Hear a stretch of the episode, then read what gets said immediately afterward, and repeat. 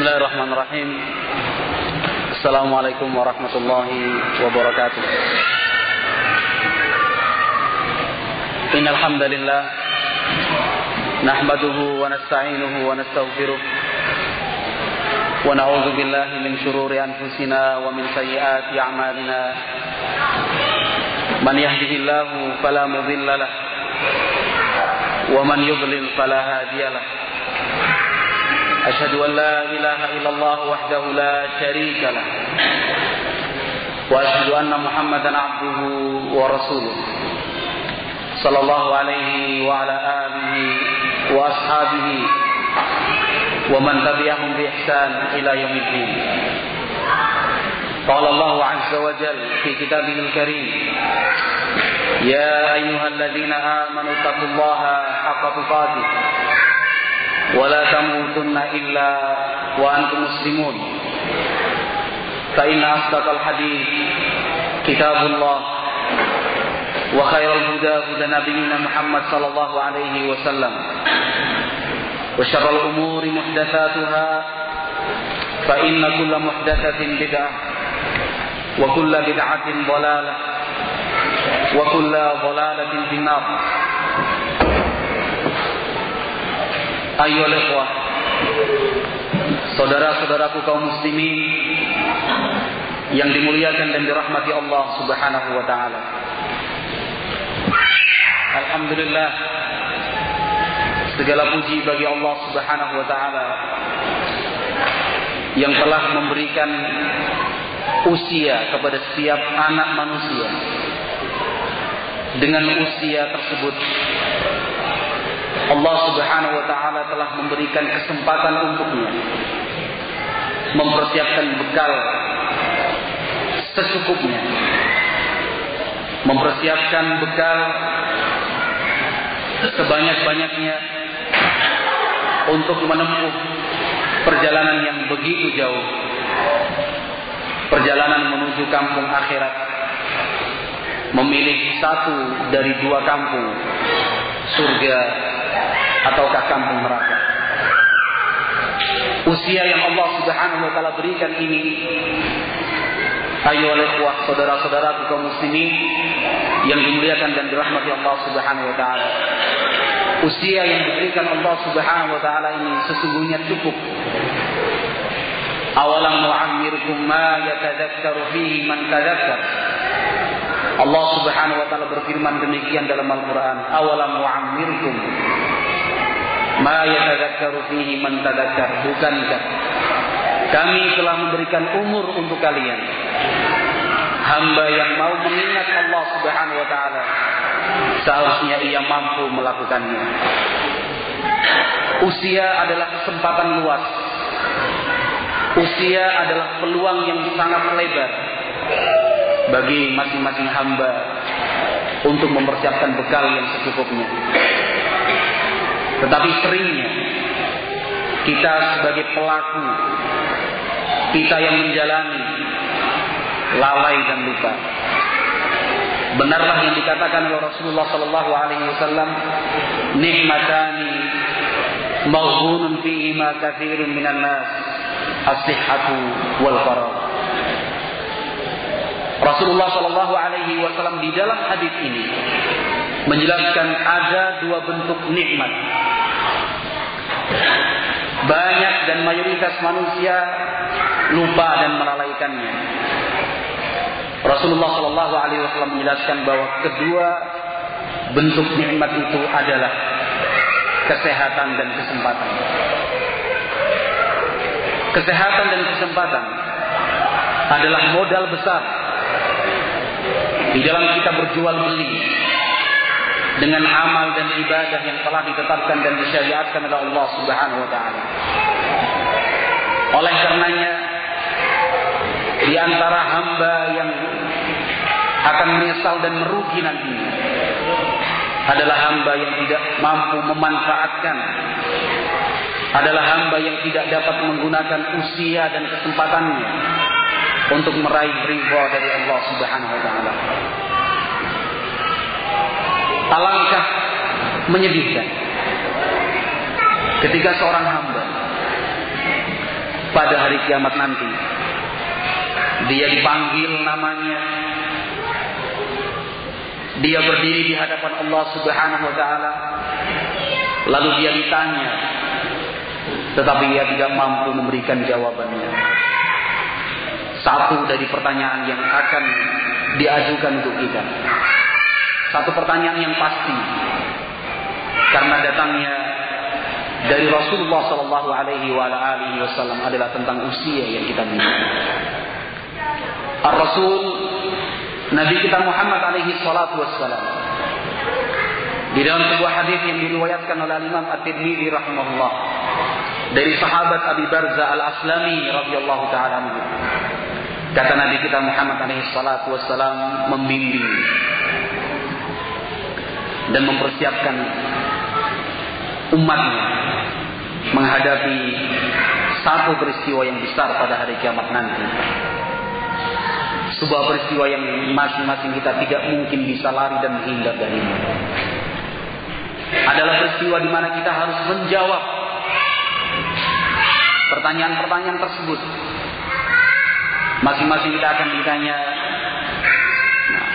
an umrihi fima afnahu. Kita akan ditanya tentang umur dan usia yang kita miliki di dunia. Untuk apa kita habiskan usia tersebut? Mampukah kita membayangkan pertanyaan itu diajukan kemudian kita membayangkan seperti apa jawaban yang telah kita persiapkan? Katakan saja saat ini setiap kita ditanya dan masing-masing kita ditanya, umurmu selama ini digunakan untuk apa? Apa kira-kira jawabannya? Mampukah kita menjelaskan umur saya yang saya miliki selama ini untuk ini, untuk ini, untuk ini, untuk ini? Bahkan apa yang telah lewat, apa yang telah berlalu, kita pun melupakannya. Seakan-akan tidak berarti dan tidak bermakna sama sekali. Apalagi kita tidak bisa menjawab bahwa umur yang kita miliki untuk beribadah dan mewujudkan ketaatan kepada Allah Subhanahu wa taala begitu, merugi seorang hamba yang seperti ini.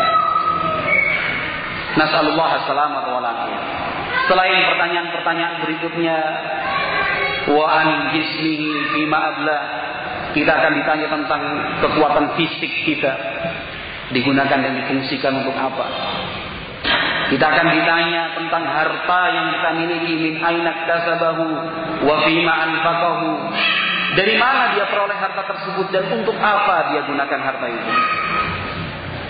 Wa an ilmihi fima amilah. Dan tiap-tiap kita harus menjawab satu bentuk pertanyaan nanti tentang ilmu yang kita peroleh selama ini. Seperti apakah bentuk pengamalan nyata dalam kehidupan kita sehari-hari. Masyaallah ikhwah saudara-saudaraku kaum muslimin yang dimuliakan dan dirahmati Allah Subhanahu wa taala. Tidak ada manusia yang sempurna. Dari ujung timur hingga ujung barat. Dari dunia bagian selatan hingga bagian utara. Tidak ada satupun manusia yang sempurna. Sempurna fisiknya, sempurna akhlaknya. Tidak ada satupun di antara mereka yang bisa mencapai tingkat kesempurnaan. Karena al-kamalu. Karena kesempurnaan itu hanyalah milik dan untuk Allah Subhanahu wa taala. Maka sebagai bagian dari kekurangan hamba, sebagai ketidaksempurnaan seorang manusia, Allah Subhanahu wa taala menetapkan dan memberikan bimbingan beberapa bentuk syariat untuk meningkatkan derajat dan kedudukan seorang hamba. Allah Subhanahu wa taala menunjukkan jalan terang untuk kita, untuk umatnya. Beberapa bentuk ibadah syariat guna mengurangi kekurangan-kekurangan dan kelemahan yang kita miliki. Dikurangi kelemahan itu berubah menjadi sebuah kelebihan dan keistimewaan. Syariat di antara yang disebutkan Allah Subhanahu wa taala adalah bertaubat bertaubat karena manusia itu volum jauh selalu berbuat salah banyak hal yang tidak dia ketahui, maka banyak pelanggaran yang dia lakukan. Sama halnya yang seperti ini dalam kehidupan kita sehari-hari di dunia. Seseorang yang tidak mengerti tata aturan, yang tidak mengerti tata tertib. Kira-kira apa yang akan terjadi dari dia? Yang akan terjadi adalah dia melanggar sana, dia melanggar sini. Aturan di sana tidak dia ikuti, aturan yang di sini tidak dia indahkan. Karena dia tidak mengerti aturan dan tata tertib yang berlaku. Nah, ini tidak boleh dipegang. Ini tidak boleh didorong. Itu tidak boleh dibuang. Karena dia tidak mengerti tata aturan dan ketertiban yang telah ditetapkan, dia langgar di sini. Apalagi seorang hamba yang jauh, seorang hamba yang tidak mengerti aturan-aturan Allah Subhanahu wa taala ini wajib mesti dia kerjakan. Ini haram, tidak boleh dia dekati. Ini dilarang oleh Allah dan Rasulnya alaihi salatu wasalam. Jangan lakukan. Ini diperintahkan oleh Allah dan Rasulnya alaihi salatu wasalam. Mengapa engkau tinggalkan? Karena sifat seorang manusia, semua kita adalah jahul. Banyak hal yang tidak kita, yang tidak kita mengerti. Akhirnya pelanggaran-pelanggaran demi pelanggaran itu akhirnya kita kerjakan. Kadang-kadang kita melakukan satu hal yang kita anggap baik ternyata dilarang oleh agama. Dalam kesempatan yang lain kita menganggap ini sesuatu yang buruk menurut akal dan perasaan kita. Padahal Islam memerintahkan. Mungkin terjadi, mungkin.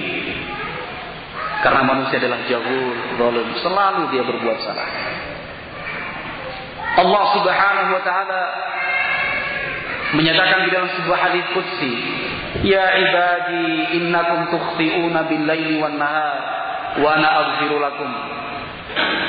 Wahai hamba-hambaku, demikian firman Allah Subhanahu wa taala, sesungguhnya kalian ini siang dan malam selalu dan selalu berbuat salah. Tetapi kesalahan-kesalahan yang diperbuat oleh kalian siang dan malam itu aku ganti dengan maghfirah, dengan ampunan dari Allah Subhanahu wa taala. Tidak sedikit dosa dan kesalahan yang diperbuat oleh hamba.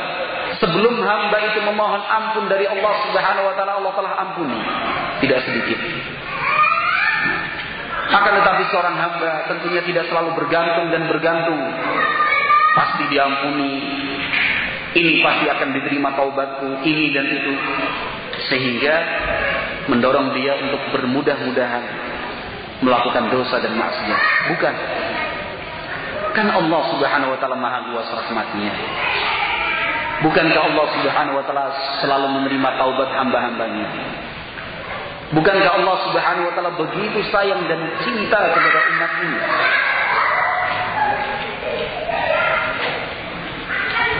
Kaum muslimin, saudara-saudara yang dimuliakan dan dirahmati Allah Subhanahu wa taala.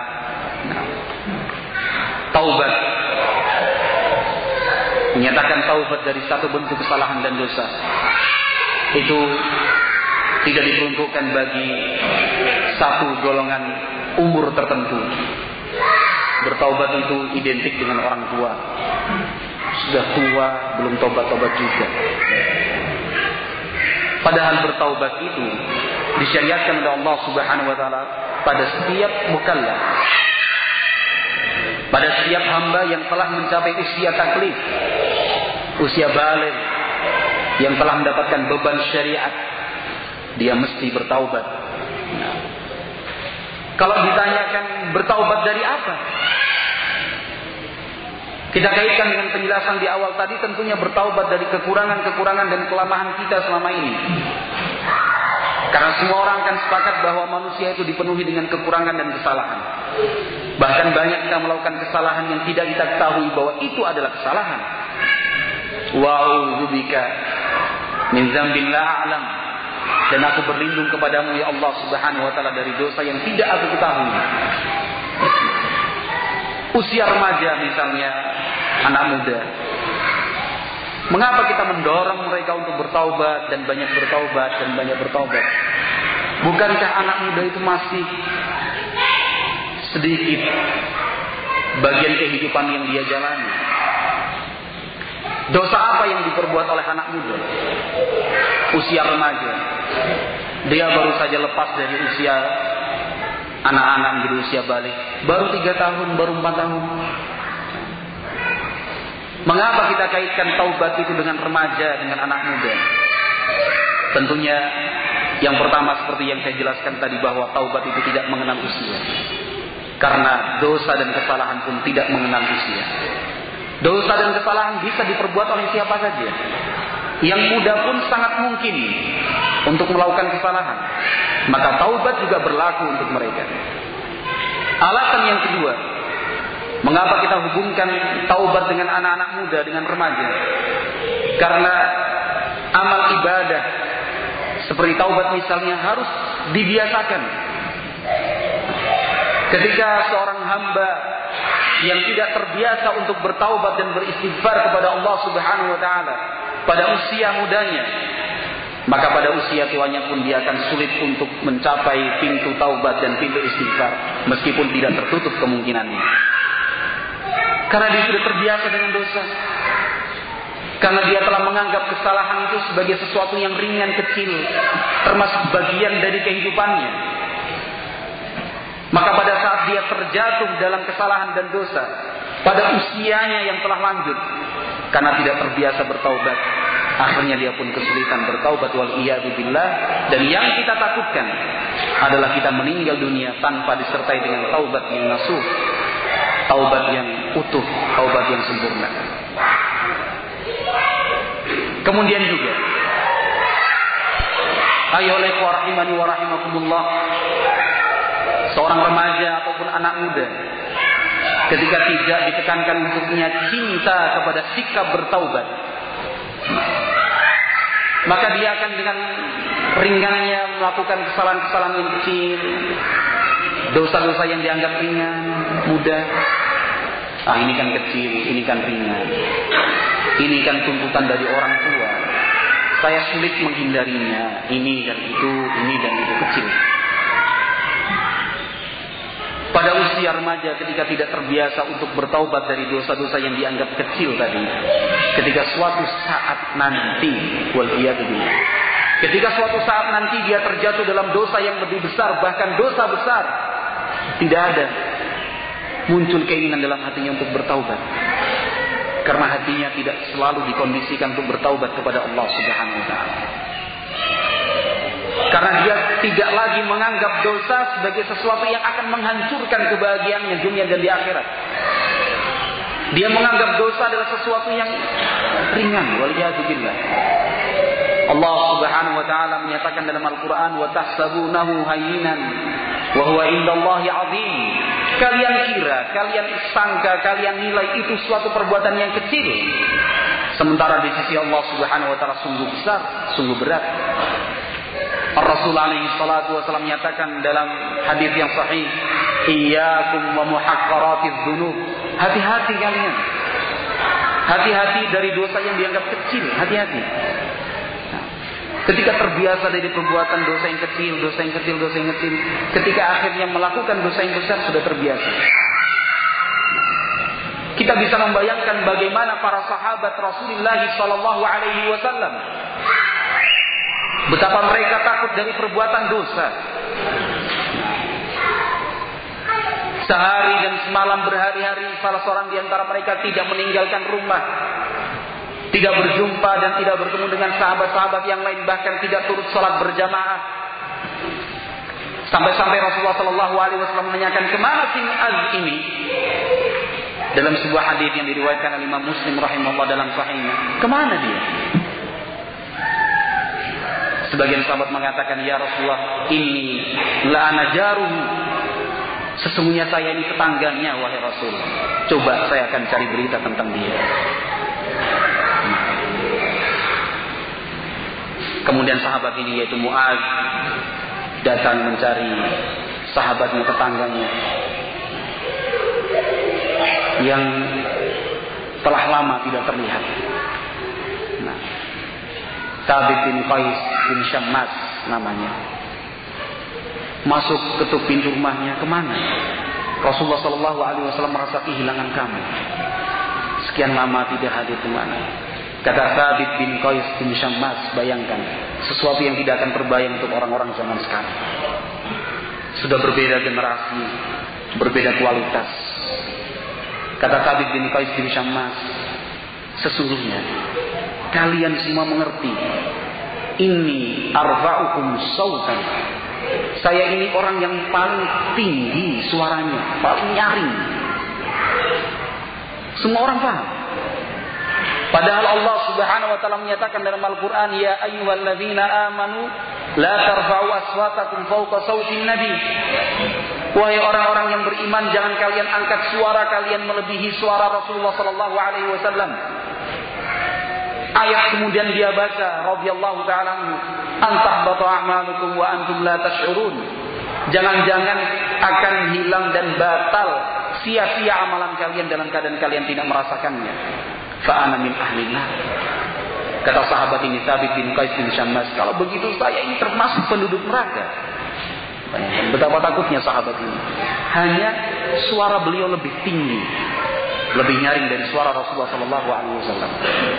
Maka sahabatnya Muaz segera datang mencari Rasulullah Sallallahu Alaihi Wasallam menceritakan ini hasilnya ya Rasulullah. Ternyata Thabit bin Qais bin Syammas tidak hadir selama beberapa waktu karena dia mengkhawatirkan dirinya bahkan menganggap dirinya termasuk penduduk neraka. Apa sebab? Sebabnya karena dia merasa suaranya lebih tinggi daripada suara Anda. Hanya masalah suara.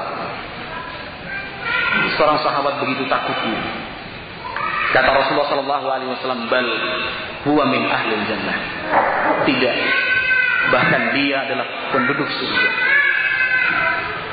Sekedar mengangkat suara, sudah merasa ini sebagai bentuk kelancangan terhadap Rasulullah Shallallahu Alaihi Wasallam. Mengangkat suara melebihi suara Nabi Muhammad Alaihi Wasallam ini sebuah perbuatan yang besar.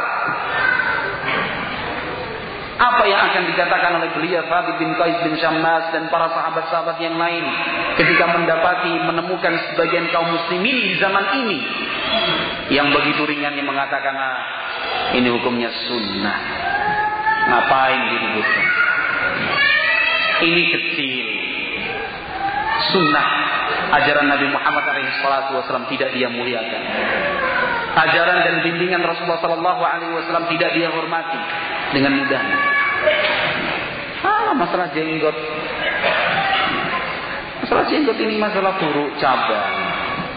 Buat apalah yang diributkan? Tidak perlu kita habiskan pikiran dan energi hanya untuk membicarakan jenggot, cara berpakaian, cara apa namanya menggunakan celana dan sarung di atas mata kaki. Kita ributkan perempuan ini muslimah pakai cadar atau tidak. Sholat softnya diluruskan, dirapatkan atau tidak. Kok ribut? Cuma masalah kunut sholat subuh. Kenapa harus diributkan?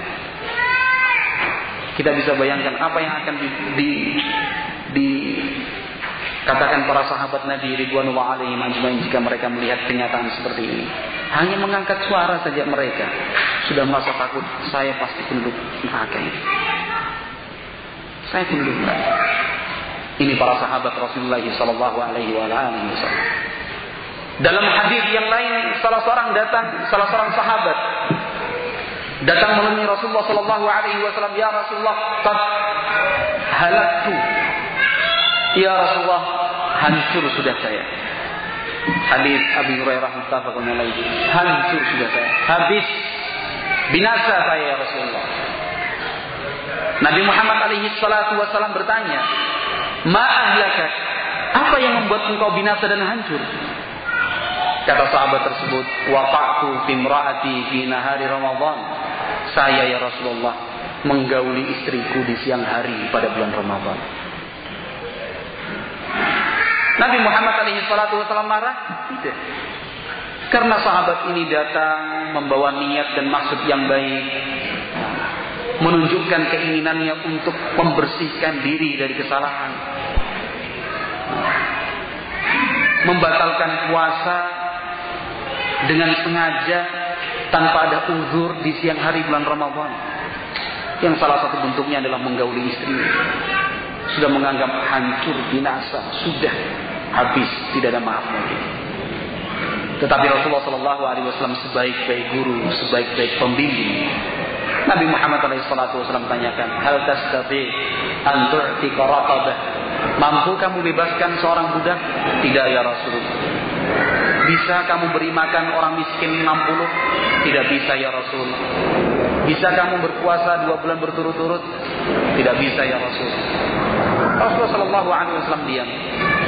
Sampai akhirnya datang sahabat lain menitipkan kurma sebagai sodakoh meminta kepada Nabi alaihi salatu wasallam untuk membagi-bagikannya sebagai sedekah. Lalu Rasulullah wasallam meminta sahabat tadi yang sudah merasa pedih hatinya karena melakukan satu bentuk kesalahan. Melakukan satu bentuk kesalahan.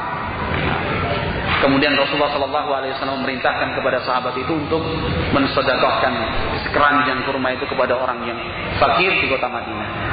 Sahabat itu mengatakan, "A'ala afkar minni ya Rasulullah wallahi Nah, apakah kepada orang yang lebih fakir daripada daripada saya Rasulullah sesungguhnya penduduk negeri Madinah ini tidak ada yang lebih fakir daripada saya. Rasulullah tertawa.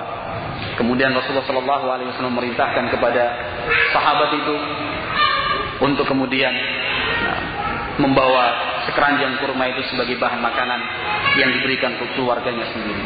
Ini para sahabat Rasulullah Shallallahu Alaihi Wasallam. Contoh yang lain kaum muslimin yang dimuliakan dan dirahmati Allah Subhanahu wa taala. Al-Imam Muslim rahimahullahu taala. Al-Imam Muslim rahimahullahu taala meriwayatkan sebuah hadis dari sahabat Abdullah bin Mas'ud radhiyallahu taala anhu. Kata Abdullah bin Mas'ud radhiyallahu taala anhu, "Anna rajulan asaba min imra'atin qiblatan." فأتى النبي صلى الله عليه وسلم فذكر ذلك له قال فنزلت أقم الصلاة طرفي النهار وزلفا من الليل إن الحسنات يذهبن السيئات ذلك ذكرى للذاكرين Ada seorang sahabat datang menemui Nabi Muhammad alaihi salatu wasallam menyatakan rasa bersalahnya. Ya Rasulullah akim alayyal hajj. Ya Rasulullah tegakkan hukum had untukku. Hukum pidana. Apa yang dilaporkan sahabat itu?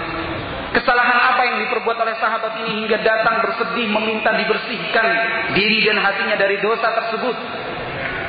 Sahabat itu mencium seorang wanita yang bukan mahramnya. Mencium seorang wanita yang tidak halal untuknya. Bayangkan. Sudah menganggap ini sebuah dosa besar. Mencium kalau zaman kita pacarnya.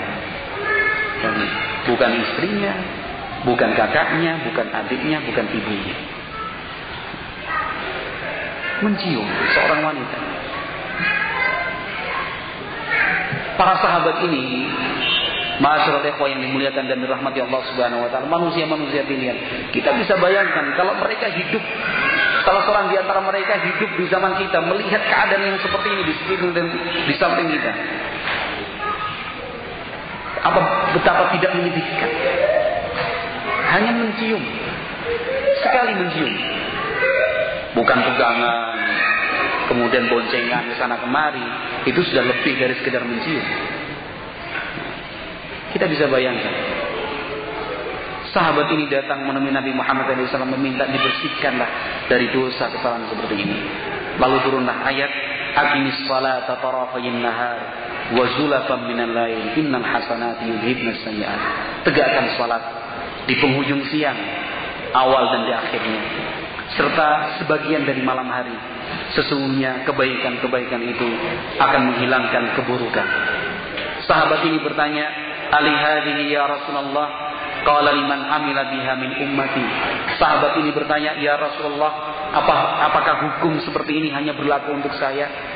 Kata Rasulullah Shallallahu alaihi wasallam, "Tidak. Hukum ini pun berlaku untuk seluruh umatku yang terjatuh dalam setiap kesalahan." satu kali ciuman. Rasulullah Shallallahu Alaihi Wasallam turun ayat kepada beliau diganti dengan kebaikan-kebaikan. Apa bentuk kebaikan-kebaikan tersebut? Melaksanakan sholat di siang hari dan di malam hari. Tidak cukup astagfirullah. Kemarin saya sudah nyium pacar saya. Tidak cukup.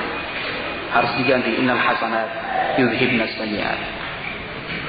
hasil didikan dari Rasulullah sallallahu alaihi wasallam kepada para sahabat-sahabat beliau adalah apa yang dikatakan oleh sahabat Abu Sa'id Al-Khudri radhiyallahu taala anhu.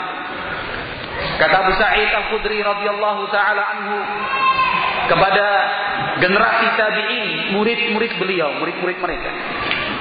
Innakum la ta'maluna a'malan تظنون أنها أدق من الشعر كنا نعدها على عهد رسول الله صلى الله عليه وسلم من المهلكات Kalian ini kata para sahabat kepada generasi tabi'in, tabi'in, kalian ini melakukan perbuatan-perbuatan yang kalian anggap lebih kecil dan lebih ringan daripada sehelai rambut. Sementara kami para sahabat Nabi semasa hidup Rasulullah Shallallahu Alaihi Wasallam telah menganggapnya sebagai sebuah sebab kebinasan dan kehancuran. Begitu mudahnya kalian lakukan hal-hal seperti ini. Sesuatu yang kecil. Ini akidah, keyakinan, cara pandang dan cara hidup para sahabat Rasulullah Shallallahu Alaihi Wasallam. Maka seperti yang saya sebutkan tadi, tema yang kita pilih ini, yang kita pilih dan akan kita bicarakan hari ini adalah tema yang sangat tepat sekali. Kadang-kadang kita merasakan begini. Kelezatan dan kenikmatan apa yang bisa dan telah kita rasakan selama ini untuk hidup di dunia. Apa sih nikmatnya hidup di dunia? Bahkan kadang-kadang kita tidak bisa merasakan manisnya ibadah. Yang sholat lima waktu tepat pada waktunya. Selalu di belakang imam membaca Al-Quran. Tapi pernahkah kita betul-betul mencapai pada tingkat kepuasan yang paling tinggi? Pertanyaan ini harus dimunculkan. Pernahkah atau sesering apakah kita sampai pada tingkatan seperti itu. Ketika sholat, mengucapkan takbir selesai sholat, dalam keadaan sendiri, menangis sendiri, menangis karena berbahagia, menangis karena telah melaksanakan satu bentuk ibadah karena Allah Subhanahu wa taala. Menangis berbahagia. Salah satu sebab dan faktor yang menghalangi kita untuk mencapai tingkatan kepuasan yang paling tinggi ini. Masyaallah rahimani wa rahimakumullah. Karena banyaknya dosa yang kita perbuat kemudian belum digugurkan dan digeser oleh taubat yang taubat yang main-main. Hari ini taubat baik seminggu lagi diulangi. Yang berikutnya lagi terjadi terus lagi diulangi. Maka karena beberapa sebab maka kita akan membicarakan tentang taubat dalam kesempatan pagi hari ini. Salah satu faktor yang membuat kita bersemangat untuk membicarakan tentang taubat adalah at-taubatu min kamalil iman wa husnil islam. Yang pertama, karena bertaubat itu adalah tanda kesempurnaan iman dan kebaikan Islam seseorang seorang mukmin dan seorang muslim yang baik tentu dia akan senang bertaubat kepada Allah Subhanahu wa taala. Istighfar, meminta ampun, memohon ampunan dan maghfirah dari Allah Subhanahu wa taala. Ini ciri seorang mukmin, ciri seorang muslim. Sudahkah kita beristighfar? Sudahkah kita bertaubat hari ini? Sudahkah kita beristighfar? Sudahkah kita bertaubat hari kemarin? Pekan yang lalu, bulan yang sebelumnya? Rasulullah Shallallahu Alaihi Wasallam menyatakan, Ya ayuhan nas, tubu ilallahi wastaghfiruh. Fa inni atubu ilallahi fil yaumi akthar min sab'ina marrah. Wahai manusia, bertaubat dan beristighfarlah kalian setiap hari, setiap saat. Sesungguhnya saya ini, yaitu Rasulullah Shallallahu Alaihi Wasallam suri tauladan dan contoh kita setiap harinya beristighfar dan bertaubat lebih dari 70 kali. Lebih dari 70 kali. Astagfirullahaladzim, astagfirullahaladzim, wa atubu ilaih, astagfirullahaladzim, wa atubu ilaih. 70 kali minimalnya. Lebih daripada itu. Nah, maka kalau kita ingin menjadi seorang mukmin yang baik, seorang muslim yang baik, maka kita memperbanyak taubat dan istighfar kepada Allah Subhanahu wa taala. Sebab yang kedua, bertaubat adalah sebab cinta dan ridha dari Allah Subhanahu wa taala diberikan untuk hambanya. Karena Allah Subhanahu wa taala yuhibbut tawwabin wa yuhibbul mutatahhirin. Karena sesungguhnya Allah Subhanahu wa taala mencintai hamba yang senantiasa dan gemar bertaubat. Dan Allah Subhanahu wa taala mencintai seorang hamba yang selalu berusaha membersihkan diri dan jiwanya dari kesalahan serta dosa. Siapa yang tidak ingin dicintai oleh Allah Subhanahu wa taala? Adakah hamba yang tidak menginginkan cinta dari Allah Subhanahu wa taala? Sekian banyak kebaikan-kebaikan dan barakah dari Allah Subhanahu wa taala diberikan hanya untuk hamba yang dicintainya. Para sahabat Rasulullah sallallahu alaihi wasallam, mereka orang-orang yang dididik oleh Nabi Muhammad SAW untuk menghindar dari kepemimpinan. Semua masing-masing dari mereka berusaha, jangan jangan saya, yang lain saja, jangan saya, yang lain. Tetapi di dalam sejarah terjadi sekali saja satu sebab yang membuat mereka semua berangan-angan menjadi seorang pemimpin. Bayangkan. Sesuatu yang selama ini mereka tolak, mereka hindari. Kemudian akhirnya terbuka satu kali kesempatan masing-masing berkeinginan untuk mendapatkan kedudukan sebagai seorang pemimpin. Kenapa? Demi mengharap predikat hamba yang dicintai Allah, yang dicintai Rasulullah Sallallahu Alaihi Wasallam. Ketika Rasulullah Sallallahu Alaihi Wasallam menyatakan la uftiyana rayata gadan yuhibbullah wa rasulahu wa yuhibbullah wa rasuluhu. Sungguh besok ini akan aku serahkan bendera perang kepada seorang hamba yang mencintai Allah dan mencintai Rasulnya. Dan dia pun dicintai Allah dan dicintai oleh Rasulnya alaihi salatu wassalam. Sebelum waktu salat subuh fabatan nas yadukuna lailatahum ayyuhum yuqaha kaum muslimin semuanya ribut ini kira-kira siapa besok yang akan mendapatkan bendera perang dari Rasulullah Shallallahu Alaihi Wasallam karena setelah sekian lama benteng Khaybar dikepung dikepung dikepung orang-orang Yahudi tidak berhasil ditaklukkan tidak bisa dikalahkan. Siapa yang akan membuka benteng Khaybar? Sebelum salat subuh, salat fajar, masjid telah penuh oleh para sahabat. Masing-masing berharap dialah yang mendapatkan bendera itu sebagai seorang pemimpin. Sampai-sampai Umar bin Khattab radhiyallahu taala setelah salat sengaja memajukan dadanya biar kelihatan oleh Rasulullah SAW. Mungkin tertarik dan memilih. Tetapi ternyata Rasulullah Shallallahu Alaihi Wasallam memilih Ali bin Abi Thalib radhiyallahu taala. Apa sebab Umar bin Khattab sampai begini biar kelihatan para sahabat semuanya segera memenuhi masjid masing-masing berlomba melombakan sesuatu yang selama ini, selama waktu sebelumnya dan setelahnya nanti mereka tidak ingin mendapatkannya. Untuk mendapatkan predikat hamba yang dicintai Allah dan dicintai Rasulullah Wasallam. Maka salah satu sebab kita mendapatkan cinta dari Allah Subhanahu wa taala adalah senang bertaubat. Bertaubat terus, iya salah. Maka sebenarnya tugas yang paling berat, tugas yang paling berat adalah kita mampu mengenali ini salah, ini dosa, ini maksiat, ini boleh, ini diizinkan, ini dihalalkan. Tidak mungkin seorang hamba dia akan bersemangat untuk bertaubat kalau dia tidak mengerti ini salah, ini haram. Bagaimana mungkin dia akan terdorong untuk bertaubat kepada Allah Subhanahu Wa Taala? Nah, bagaimana mungkin? Ada anak muda dari keluarga yang senangnya dengan bau-bau kemenyan, tahu bau-bau kemenyan ya? Nggak tahu kalau di Jawa Barat kemenyan tetap namanya kemenyan atau apa namanya? Masih kemenyan. Kemenyan kan? Masih kemenyan. Dia dilahirkan dari keluarga yang senang bau-bau kemenyan. Percaya, jangan di situ. Jangan bangun rumah di sini. Lah kenapa? Ini lihat samping sini. Yang punya mbah ini jangan. Nanti kalau bangun rumah situ celaka. Bisa sih, tapi diruat dulu. Diruat dulu itu artinya dirubah. Potongkan kambing sekian-sekian ini baru serba menyan. Minyak wanginya menyan. Minyak wanginya menyan. Jangan-jangan masa nasinya pun pakai menyan juga. Kan? Semua harus serba menyan.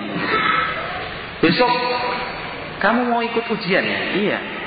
Ini bapak bekalin tujuh butir kacang hijau. Untuk apa pak? Ini menurut mbah-mbah kita kalau pegang tujuh butir kacang hijau dengan membaca doa yang saya sebutkan nanti, itu nanti apa pun yang dia kerjakan sukses pasti. Tahun lalu di Solo ujian penerimaan pegawai negeri sipil itu kan diadakan di gedung-gedung luas ya, gor gitu. Jadi ternyata ada fenomena menarik yang sebenarnya sangat memalukan sekali. Kenapa sangat memalukan? Karena para peserta ujian pegawai negeri sipil itu tentu adalah orang-orang yang secara akademik adalah orang-orang yang ter pelajar kan begitu. Maka saya katakan sangat memalukan sekali. Itu petugas kebersihan di setiap kota, di Solonya, di Surakartanya, di Wonogiri, itu yang saya pastikan di Solo, Surakarta dan Wonogiri, itu ditemukan barang-barang aneh di tempat duduk-duduk. Semua berbau menyan. Semua berbau menyan. Ada ya apa namanya tulisan rajah lah, ada yang tadi butir-butir kacang hijau, ada yang merica, ada yang tali-tali semua. Ternyata untuk bisa lolos dari ujian. Meskipun bawa kacang hijau dua karung bukan tujuh butir kalau nggak bisa menyelesaikan soal-soal ujian PNS ya tidak mungkin kan bisa diterima sebagai PNS ke mana akalnya ini S1 S2 D1 D2 D3 semua orang-orang yang dikatakan terpelajar. Illa billah. Mana akal yang Allah Subhanahu wa taala berikan? Ada anak muda masih seperti yang kita ceritakan tadi. Itu berasal dari kalangan keluarga seperti ini. Sedikit-sedikit mau kamu ke mana? Mau anu naik uh, pergi sama teman-teman. Jangan lupa itu minum minum doa-doa dulu air. Minum minum. Gitu. ini mau ke mana? Mau buat sim. Gitu. buat sim ini hari Rabu jangan. Hari Rabu hari jelek. Hari Rabu hari jelek. Hari Rabu hari jelek. Jangan. Dia hidup dalam keadaan seperti ini. Akhirnya karena si anak muda yang sedang kita bicarakan ini, tapi saya yakin tidak ada di sini anak muda itu. Karena yang kita bicarakan jauh di luar sana kan? Tidak mungkin insya Allah hari ini dia datang ke sini ya mungkin. Atau mungkin bisa kita cari. Disebut namanya nanti nggak enak kan. Dia terlahir, terdidik dalam keluarga yang seperti ini semua harus serba. Apa namanya serba kemenyan tadi kasihan ya. Akhirnya dikit-dikit uh, kuburan itu di mana ya kuburannya? Oh kuburan di kampung sini di sebelah situ. Oh dikit jarinya dikit. Setelah digigit keras-keras terus dibersihin apa? Kalau nggak digigit orang yang menuju kuburan itu nanti terus jarinya bengkok sendiri kayak gini. Pokoknya semua akhirnya kehidupannya seperti itu. Semuanya serba sulit. Semuanya serba sulit. Ini waktu nggak bagus, ini waktu jelek, ini waktu naas, ini waktu sial, gitu. gitu. Saya mau nikah dengan wanita ini, wah coba lihat, oh nggak cocok ini bukan istrimu. Dia lahiran bulan ini, kamu lahiran bulan ini, nggak cocok, nggak pas. Semua kalau punya uang liburan, Pak saya mau liburan ke mana? Ya liburan ke pantai sana, jangan ke pantai, jangan ke gunung. Ikut bapak saja ziarah makam Wali Songo sejawa Madura. Karena ternyata sekarang kan banyak bermunculan makam-makam wali berikutnya. Ternyata tidak the end gitu. Tidak habis, tetapi to be continued. Bahasa Sunda kan gitu. Tapi bersambung ternyata muncul lagi makam ini, muncul lagi makam itu, wali ini, wali itu. Kehidupannya seperti itu. Kehidupannya seperti itu. La haula wala quwata illa billah akhirnya mendapatkan hidayah dari Allah Subhanahu wa taala, rahmat dari Allah Subhanahu wa taala mengerti bahwa hal-hal seperti itu adalah hal-hal yang diharamkan. Hal-hal yang dilarang di dalam Islam. Telepon kamu ke mana ini? Ini sedang ikuti apa namanya upacara bersih bumi. Ini kami bawa tumpeng ini. Ikut ya, ayo sini. Malah ngajak makan tumpeng. Sembelihkan kerbau. Tujuannya apa? Ya biar kampung kita selamat, uh, apa namanya terhindar dari bala, dari musibah, harus kita lakukan yang seperti ini. Itulah kehidupan si anak muda ini. Walhamdulillah Allah Subhanahu wa taala berikan petunjuk untuknya seperti itu tidak tidak baik. Seperti itu dilarang oleh Allah Subhanahu wa taala. Seperti itu diharamkan oleh Rasulullah sallallahu alaihi wasallam. Itulah syirik. Kesyirikan yang dilakukan oleh orang-orang musyrikin di zaman Rasulullah sallallahu alaihi wasallam mendua hatinya berharap tidak sepenuhnya kepada Allah Subhanahu wa taala, takut tidak sepenuhnya kepada Allah Subhanahu wa taala. Dia berikan harap dan takutnya kepada yang lain. Wal billah. Nah, ini sebagai salah satu contoh. Nah, kalau seorang hamba yang tidak mengerti ini salah, ini haram, bagaimana mungkin dia akan terdorong untuk bertaubat kepada Allah Subhanahu wa taala? Kan tidak akan mungkin. Oleh karena itu seperti yang saya katakan tadi, tugas yang paling berat sesungguhnya adalah kita mengenali kita kenal, kita bisa membedakan ini salah, ini benar. Ini diperintahkan dalam Islam, ini dilarang. Oh yang ini halal, yang ini haram. Yang ini halal, yang ini haram. Maka kita pun akhirnya harus bertaubat atas keteledoran dan kealpaan kita ini. Sampai hari ini. Sampai umur kita sekian ini kita masih juga belum bisa membedakan antara yang baik, yang buruk, yang jahat, yang terpuji, ini halal, ini haram, ini dilarang, ini diperintahkan. Sampai hari ini ternyata kita masih juga belum bisa membedakannya. Maka kita pun harus bertaubat dari keteledoran dan kealpaan seperti ini. Waliyadzubillah. Bertaubat adalah tanda dan bukti bahwa rahmat Allah Subhanahu wa taala maha luas. Taubat Allah Subhanahu wa taala maha luas. Nah. Ya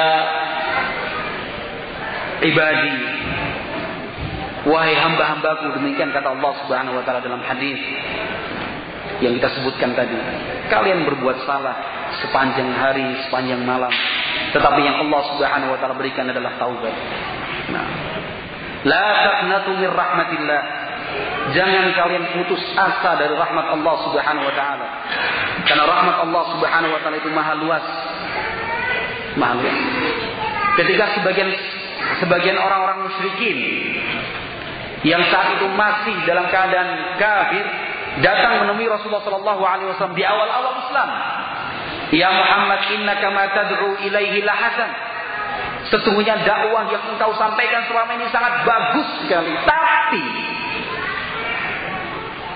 Beritahukan kepada kami apa yang kami perbuat atas kesalahan-kesalahan kami yang sebelumnya kami ini dahulu mempersekutukan Allah Subhanahu wa taala. Kami dahulu membunuh orang tanpa hak. Kami melakukan perbuatan-perbuatan yang keji dan mungkar. Kami mencuri, kami berzina, kami makan uang riba, kami makan harta anak-anak yatim. Ini semua sudah kami lakukan ya Muhammad. Sekarang ajakan kamu ini sangat baik sekali. Sekarang apa yang akan kami lakukan seperti ini? Lalu Allah Subhanahu wa taala turunkan ayat-ayat di dalam surat Al-Furqan yang menunjukkan bahwa Allah Subhanahu wa taala akan menerima semua taubat seorang hamba. Sebanyak apa pun kesalahan yang dia perbuat. Sebesar dan seberat apa pun dosa yang dia lakukan selama dia sungguh-sungguh di dalam bertaubat kepada Allah Subhanahu wa taala Allah akan ampuni taubatnya. Amr bin Al-As Salah seorang sahabat Rasulullah Shallallahu Alaihi Wasallam menyatakan, sungguh aku masih ingat bahwa negeri yang paling aku benci adalah negeri di mana Rasulullah Shallallahu Alaihi Wasallam tinggal saat itu.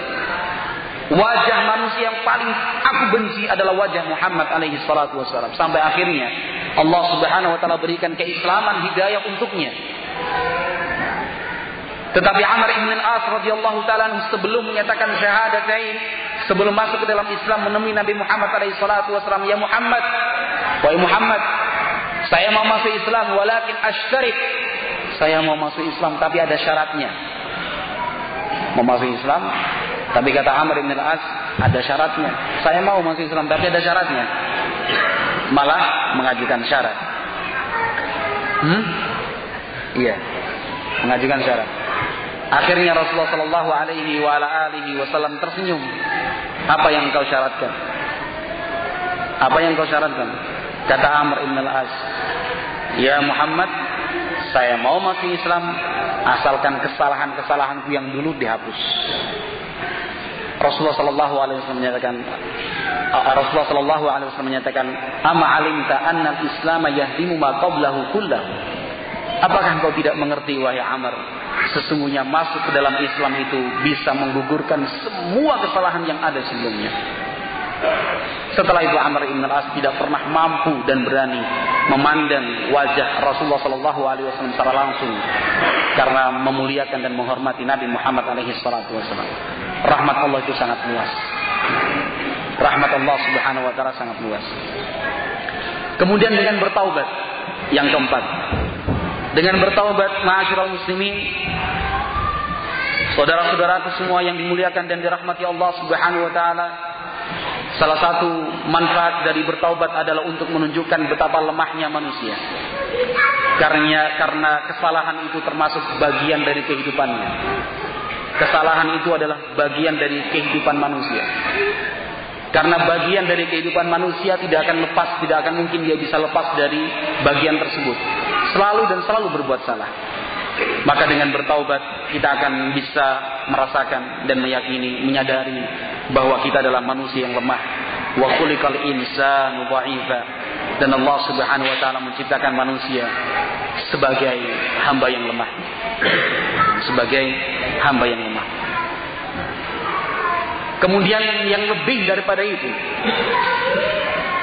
yang lebih daripada itu bahwa dengan bertaubat itu akan menyebabkan hilangnya kesedihan, menyebabkan perginya kegalauan di dalam hati. Dengan kita bertaubat seakan-akan kita telah memindahkan bahkan membuang jauh-jauh dinding-dinding yang telah memisahkan antara kita dengan kebahagiaan yang sesungguhnya. Orang yang berbuat salah, orang yang berdosa, dia akan selalu merasakan tidak tenang dalam hidupnya. Itu yang dia rasakan. Selalu dan selalu dia berpikir, oh ini salah, ini salah. Rasulullah Wasallam ketika datang salah seorang sahabat An Nawas bin Sam'an radhiyallahu taala anhu bertanya tentang apa itu kebaikan. Nabi Muhammad wasallam menjelaskan al birru husnul khuluq wal ismu ma haka fi nafsika wa karihta an yattali alaihi nas. Di dalam hadis itu Rasulullah Shallallahu alaihi wasallam menjelaskan yang namanya dosa itu sesuatu yang membuat ragu dalam hatimu dan engkau tidak ingin orang lain mengetahuinya. Ini sifat manusia ketika dia berbuat salah, berbuat dosa, pengennya orang lain nggak ngerti. Jangan sampai orang lain tahu. Ini cukup rahasia antara saya dan diri saya sendiri. Cukup. Maka dengan keadaan yang seperti ini orang yang selalu berbuat salah, dosa, maksiat, dia tidak akan pernah tenang hidupnya. Allah Subhanahu wa taala ganjarkan untuknya, Allah Subhanahu wa taala berikan untuknya ketidaktenangan di dalam hidup. Mungkin banyak di antara kaum muslimin yang tidak merasakan ketenangan yang sesungguhnya adalah karena dia belum bertaubat sesungguhnya dengan taubat yang nasuha, taubat yang mendatangkan rahmat dan ridha dari Allah Subhanahu wa taala. Nanti dalam beberapa uh, pertemuan atau poin yang berikutnya kita akan membacakan beberapa keterangan dari para ulama tentang hal-hal yang seperti ini. Akan tetapi, nah, apa yang saya sebutkan tadi adalah poin pertama dalam pertemuan kita siang hari ini tentang fawaid atau manfaat yang akan kita rasakan dari sikap bertaubat kepada Allah Subhanahu wa taala. Ikhwati fillah yang dimuliakan dan dirahmati Allah Subhanahu wa taala. Seorang mukmin yang baik. Seorang muslim yang baik. Dia akan mampu dan bisa merasakan sebab dia akan bisa mampu merasakan akibat buruk dari kesalahan yang dia perbuat. Misalnya si A Ketika dia berbuat salah, maksiat, sebuah kemaksiatan, sebuah kesalahan.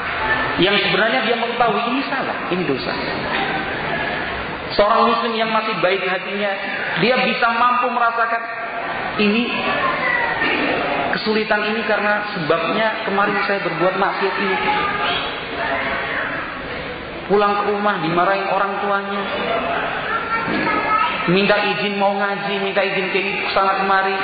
Ayah ibunya melarang. Jangan-jangan ini akibat dari saya bermaksiat kemarin.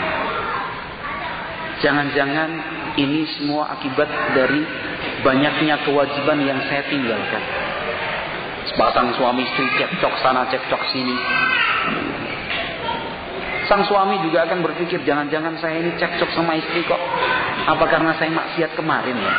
Apa yang saya lakukan dan saya kerjakan tadi malam ya? Seorang muslim bisa merasakan yang seperti ini. Seorang muslim bisa merasakan seperti ini. Ketika seorang muslim bisa mencapai tingkatan yang seperti ini, alangkah berbahagianya dia. Karena ketika dia mampu merasakannya, dia akan segera bertobat. Ya, bertobat. Nah, saya tidak ingin melakukannya lagi. Setiap kesulitan yang dialami oleh seorang hamba sesungguhnya disebabkan oleh diri kita sendiri. Kaum muslimin, saudara-saudara yang dimuliakan dan dirahmati Allah Subhanahu wa taala. Memang sifat manusia itu selalu salah dan pasti akan terjatuh dalam dosa. Rasulullah Shallallahu Alaihi Wasallam di dalam sebuah hadis yang diriwayatkan oleh sahabat Abu Ayyub Al Ansari radhiyallahu taala anhu. Kata Rasulullah Shallallahu Alaihi Wasallam, "Laula annakum tuznibun, la khalaqallahu khalqan yuznibuna yaghfiru lahum." Kata Rasulullah Shallallahu Alaihi Wasallam, kalau kalian ini tidak berbuat dosa, Allah Subhanahu Wa Taala akan menciptakan manusia-manusia lain yang mereka akan terjatuh dalam dosa, lalu Allah Subhanahu Wa Taala memberikan ampun untuk mereka. Hadis ini jangan salah, eh, jangan dipahami dengan salah. Lo lihat, Rasul saja mengatakan kalau kita ini nggak berdosa, Ya bukan manusia namanya. Yang namanya manusia itu harus berdosa. Dia katakan harus berdosa. Padahal yang diinginkan oleh Rasulullah Shallallahu Alaihi Wasallam di sini adalah memberikan uh, hiburan, demikian juga memberikan kabar gembira, membesarkan hati dan jiwa setiap hamba yang telah terjatuh dalam dosa, bukan yang belum. Rasulullah Shallallahu Alaihi Wasallam ingin membesarkan hati setiap hamba yang telah terjatuh dan melakukan perbuatan dosa untuk tidak berputus asa. Tetapi dia harus berusaha berjuang sekuat tenaga mendapatkan maghfirah dan ampunan dari Allah Subhanahu wa taala. Misalnya hadis ini yang lebih tepat ditujukan kepada si A yang telah melakukan satu bentuk dosa dan kesalahan Kemudian dia ingin bertaubat tetapi dia berpikir apakah ada jalan taubat untukku. Apakah ada kesempatan dan peluang bagiku untuk berubah diri? Maka kepada si A ini kita katakan Rasulullah Shallallahu Alaihi Wasallam pernah bersabda sesungguhnya kalau kalian ini tidak berdosa, tidak melakukan dosa, Allah akan gantikan kalian dengan manusia-manusia lain yang berbuat dosa, lalu Allah Subhanahu wa taala ampuni mereka. Artinya sebelum Allah Subhanahu wa taala menurunkan ampunan untuk mereka, mereka sebelumnya harus meminta ampun terlebih dahulu. Hadis ini tidak boleh dipahami untuk si B yang hari ini bermaksud saya akan mencuri. Mencuri apa? Mencuri pulsa. Karena sekarang pulsa menjadi kebutuhan primer. Mungkin satu masjid ini kalau dikumpulkan kepemilikan pulsa sampai berapa juta ini Kamu punya pulsa berapa? Punya pulsa berapa? Kumpulkan jadi satu, sekian banyak. Hari ini pokoknya saya mau jadi pulsa. Nah, caranya gimana? Ya asal aja. Asal nomor voucher dikira-kira pas ya pas. Kalau sampai dua kali gagal ya besok diulang lagi. Barangkali pas. Barangkali kode vouchernya pas. Ngawur lah. Begitu. Di sini akhirnya 37, coba saya ganti 36 akhirnya 47 diganti barangkali 27 dua kali gagal sudahlah ini contoh kecil tapi jangan anggap kecil. Nah ini si B ingin mencuri pulsa hari ini. Nanti silahkan untuk hal-hal yang lebih besar lagi pencuriannya. Saya ingin mencuri hari ini. Diingatkan jangan. Jangan mencuri kamu. Kenapa tidak mencuri Nabi mengatakan kalau kalian tidak berdosa kita akan diganti loh dengan orang-orang yang mau berdosa kemudian Allah ampuni mereka. Ini tidak tepat. Artinya jangan difahami dengan salah. Tetapi hadis ini Masyarakat yang dimuliakan dan dirahmati Allah Subhanahu wa taala ditujukan untuk mereka yang telah menyesali perbuatannya, yang telah menyesali kesalahannya dan dia ingin memperbaiki diri, mengharapkan ampunan dan maghfirah dari Allah Subhanahu wa taala. Sebesar apa pun dan seberat apa pun kesalahan yang kita perbuat, sesungguhnya rahmat Allah Subhanahu wa taala sangat maha luas. Sangat maha luas. Tidak boleh kemudian kita berputus asa, Ustaz. Ustadz ini karena nggak ngerti apa saja yang sudah saya lakukan selama ini. Ya nggak usah cerita juga. Ada dulu orang pernah bertemu dengan saya bertemu Ustadz. Saya ingin bertaubat membersihkan diri. Ya saya jelaskan ini, ini syaratnya taubat diterima begini. Ustadz berat ya. Lo berat kenapa? Dosa saya ini ya Allah. Saya nggak bisa menceritakannya Ustaz. Lo yang nggak usah diceritakan seperti itu. Tidak usah diceritakan. Saya ulangi lagi. Insya Allah mudah, bagus. Ada saja jalan untuk taubat. Ustadz ini nggak ngerti sih. Itu pernah terjadi. Saya alami kasus seperti itu. Ya seperti itulah kurang lebih mananya. Kalau gayanya ya saya buat-buat sendiri tadi. Nah, Ustadz ini nggak ngerti. Aduh, gimana ya dosa saya? Ya saya juga tidak mau minta cerita apa sih dosanya. Coba. Barangkali mungkin Seorang muslim tidak boleh bersikap seperti itu. Apa? Jangan pernah meragukan taubat yang diterima oleh Allah Subhanahu wa taala asal kita bersungguh-sungguh. Jangan pernah bertanya dan meragukan apakah Allah Subhanahu wa taala akan memberikan ampun dan maghfirahnya untuk kita. Asal yang kita bersungguh-sungguh ikhlas menunjukkan tanda-tanda kebaikan dan kita ingin melepaskan diri dari jerat-jerat dosa seperti itu, Allah Subhanahu wa taala pasti akan mengampuninya. Rasulullah sallallahu alaihi wasallam menyatakan bahwa nah, salah satu yang tercatat di dalam Lauh Mahfuz dalam hadis Abi Hurairah radhiyallahu taala riwayat Muslim, "Inna rahmati taghlibu ghadabi." Sesungguhnya rahmatku kata Allah Subhanahu wa taala itu mengalahkan kemarahanku. Artinya Allah Subhanahu wa taala selalu dan selalu memberikan rahmat kepada hambanya. Apa yang bisa kita bayangkan kalau setiap kita berbuat salah Allah siksa kita? Sudah berapa banyak sisa yang kita rasakan? Apa yang bisa kita bayangkan kalau setiap kali kita berbuat salah Allah Subhanahu wa taala selalu menghukum kita. Berapa banyak hukuman yang kita telah rasakan selama ini. Akan tetapi rahmat Allah Subhanahu wa taala itu maha luas. Kita yang selalu bersandar pada rahmatnya, ini rahmatnya, ini rahmatnya. Membuat kita lupa bahwasanya Allah Subhanahu wa taala pun punya sifat murka dan sifat marah. Kita yang selalu berharap Allah Subhanahu wa taala selalu menerima taubat hambanya sampai membuat kita lupa bahwasanya Allah Subhanahu wa taala Maha keras dan Maha cepat siksanya. Kaum muslimin saudara-saudaraku yang dimuliakan dan dirahmati Allah Subhanahu wa taala. Mumpung usia kita masih muda, masih dalam generasi remaja seperti ini, agar tidak terlalu jauh kita melangkah dalam dosa, dalam kesalahan, dalam maksiat. Kita biasakan diri hidup dalam rahmat Allah Subhanahu wa taala. Tidak ada seorang pun di antara kita yang bisa melepaskan diri dari rahmat Allah Subhanahu wa taala setiap nafas yang kita hidup, setiap langkah kaki yang kita lakukan, setiap kedipan mata dan semua gerakan seluruh organ tubuh kita ini semua adalah rahmat dari Allah Subhanahu wa taala. Nah, tidak mungkin kita bisa hidup tanpa rahmat dari Allah Subhanahu wa taala. Alangkah pemaafnya Allah Subhanahu wa taala. Alangkah pemaafnya Allah Subhanahu wa taala. Apa yang kita perbuat di malam hari tanpa diketahui oleh orang, kita sembunyi-sembunyi. Sesuatu yang tidak ingin kita membuat orang lain mengerti tentang apa yang kita perbuat. Tutup mata, ikat matanya. Kamu bisa bayangkan. Saudara-saudara kita, umat Islam di Bosnia, di Afghanistan itu dibunuh, dibantai. Emosinya dibangkitkan. Sasarannya anak-anak muda. Yang emosinya masih labil dan mudah dipengaruhi, mudah dicuci otaknya. Dibawa ke tempat yang gelap, semua nggak ada orang yang tahu. Dibuka, lihat video ini, dilihatkan video umat Islam diinjek, digilas dengan rantai tank milik Israel. Bayi-bayi ditembakin itu sampai ada yang buntung cincang semua.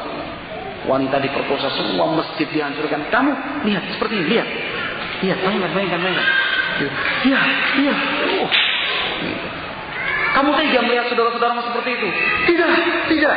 Kan begitu caranya mereka. Karena ada yang pernah cerita sama saya. Seperti itu kamu. Semua disetelkan. Sudah. Kamu terbakar tidak? Kecemburuan kamu kepada Islam dan kaum muslimin. Iya. Kamu mau ingin berbuat sesuatu untuk, untuk Islam? Iya, saya siap. Kamu, saya rakitkan bom, ikat di pinggangmu, nanti kamu pergi ke tempat sana, ledakkan tubuhmu. Karena di sana itu musuh-musuh Islam orang-orang kafir. Oh iya, iya. Kamu gak usah khawatir. Ketika nyawa meregang, ketika nyawamu telah berpisah dari ragamu, sudah disambut oleh bidadari-bidadari. Kamu seorang pengantin. Iya. Kamu itu seorang pengantin. Ya lebih enak pengantin di dunia kan begitu. Daripada pengantin belum tahu. Ini calon pengantin wanitanya siapa kan begitu. Gak ngerti. Yang paling bagus jadi pengantin di dunia. Sudah ngerti calonnya ini oh iya dari keluarga baik-baik iya. Sudah melamar sudah, sudah lihat sudah. Sekarang diurus surat-suratnya dikawal. Jelas pengantinnya, calon pengantinnya. Ini calon pengantin, bom sana, bom sini. Pengantinnya siapa? Ya kamu. Untuk saya nanti bidadari ada. Bidadari seperti apa? Oh, dibacakan ayat Al-Quran tentang bidadari, hadis-hadis Nabi Wasallam tentang bidadari. Padahal ayat dan hadis yang menceritakan tentang sifat dan kondisi para bidadari itu bukan untuk dia dan orang-orang semacam dia. Oh gitu ya sudah. Sekarang kamu harus latihan fisik dulu. Kamu harus pergi meninggalkan rumah, jangan beritahukan orang tuamu. Seminggu cukup, dilatih fisiknya semua, sudah sasaran target dibuat, kamu tenang saja, semua itu sudah kami persiapkan. Kamu gak usah mikir itu nanti bomnya dapat dari mana, itu urusan kami. Nanti berangkat ke sana itu urusan kami transportasi, tenang saja. Yang penting kamu kami antar ke tempat itu jalan sampai teng. Teng itu artinya apa? Meledak. Ini sasarannya anak-anak muda. Usia SMP, usia SMA, anak-anak SMA. Ini paling mudah untuk dipengaruhi anak-anak mahasiswa. Sebuah kesesatan yang nyata. Kaum muslimin yang dimuliakan dan dirahmati Allah Subhanahu wa taala. Sebuah kesesatan yang nyata. Hidup yang hanya sekali ini ternyata tidak dimanfaatkan sebaik-baiknya dalam bentuk ibadah dan amalan saleh. Hidup yang Allah Subhanahu wa taala berikan hanya diputus dan dihentikan dengan sebuah kegiatan yang menghancurkan tubuhnya. Nah, dagingnya nempel di dinding sana, darahnya tercacar, kepalanya terpisah. Orang tuanya yang sudah merasa kehilangan anaknya satu minggu setelah mendapatkan laporan polisi teriak cerita, anakku, kan begitu namanya. Wah sudah. Setelah anaknya meninggal baru sadar, iya. Ternyata selama ini saya tidak perhatian pada anak. Ternyata selama ini saya tidak memberikan pendidikan agama yang cukup kepada anak. Ternyata selama ini saya tidak memperhatikan siapa teman-teman bergaul anak saya. Ini introspeksi dan refleksi untuk orang tua. Ternyata orang tua sebelum menemukan kejadian-kejadian yang seperti ini, pegang anaknya. Kamu ngaji di mana? Ngaji di Salafi. Bagus. Di Salafi bagus, bagus gitu. Karena Salafi anti teror seperti itu. Salafi cara berdakwahnya hikmah, tidak asal bom, tidak mengenal bom dan segala macam bagus. Kamu ngajinya ke mana? Ngajinya ini kok saya ke masjid katanya dulu muridnya Ustadz Abu Bakar Basir. Oh jangan, jangan, jangan, jangan. Nanti kamu bisa terpengaruh sama mereka. Jangan, jangan. Jauhi. Kamu bagusnya ngaji ke Salafi saja. Nanti bapak yang antar. Di masjid Pindad ini bagus hari ini. Orang tua harus punya perhatian yang penuh dalam hal-hal seperti ini. Jangan bermudah-mudahan sudah temannya, oh bagus. Anak saya temannya bagus. Dan oh bagus. Pak izin sana ya, silakan. Tahu-tahu satu minggu hilang sudah yang kembali bukan KTP, cuma namanya aja. Anaknya belum punya KTP masih usia SMA. Maka apa namanya anak-anak muda yang sudah terpengaruh hal-hal yang seperti itu, tentunya dia harus segera mengingat kembali bahwa Islam tidak mengajarkan hal-hal yang seperti itu. Segera bertaubat. Yang emosi kemarahan kita yang muncul dalam hati dan dalam dada kita untuk membalas tiap perlakuan jahat orang-orang kafir itu harus dibimbing, dibendung dengan ilmu dan para ulama.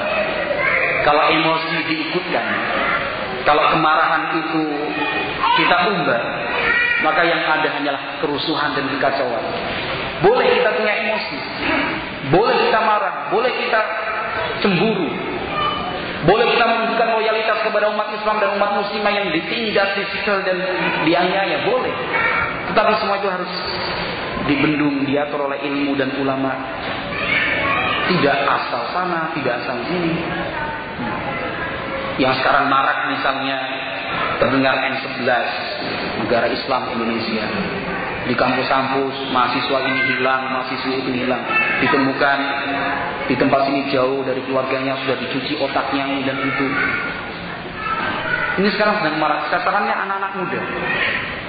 Sasarannya anak-anak muda.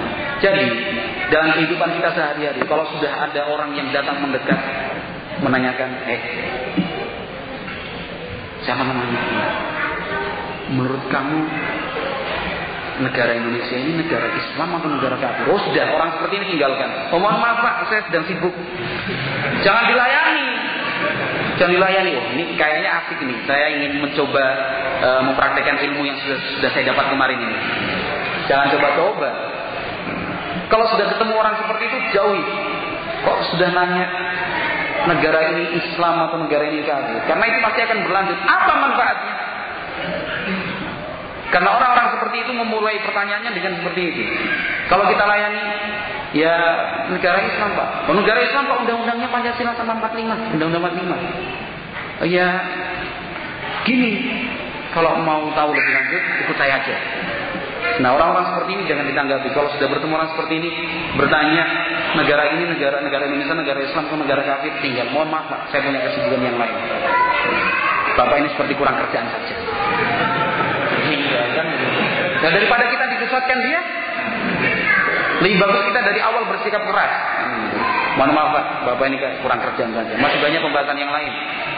Ibadah. Nah. Nanti dia orang ini ngasih mana orang ini. Ditinggalkan. Jadi harus berjaga-jaga diri.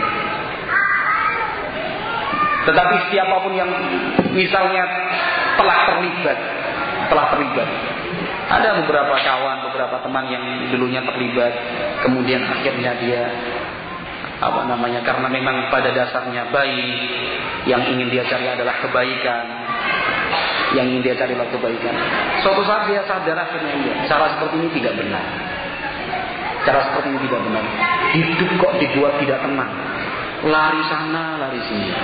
KPP-nya sampai 15 karena Indonesia kan paling mudah buat KTP kan. KTP itu mudah. Sampai KTP 15. Anak istrinya juga tidak tenang. Setiap anaknya tanya, ibu, umi, bapak, abi itu di mana ya? Bapak ke mana, abi ke mana? Abahmu sedang berjuang, nak. Berjuang apa? Ya ibu nggak bisa cerita. Berjuang kok nggak bisa diceritakan. Nanti dikit-dikit istrinya selalu was-was jangan-jangan suami saya termasuk yang tewas dalam penggerbekan kemarin jangan-jangan jangan-jangan hidup kok dibuat tidak tenang sama seperti pelaku-pelakunya pun seperti itu. Hidup kok dibuat tidak tenang. Islam itu mengajarkan ketenangan. Islam itu mengajarkan ketentraman bukan was-was cemas khawatir.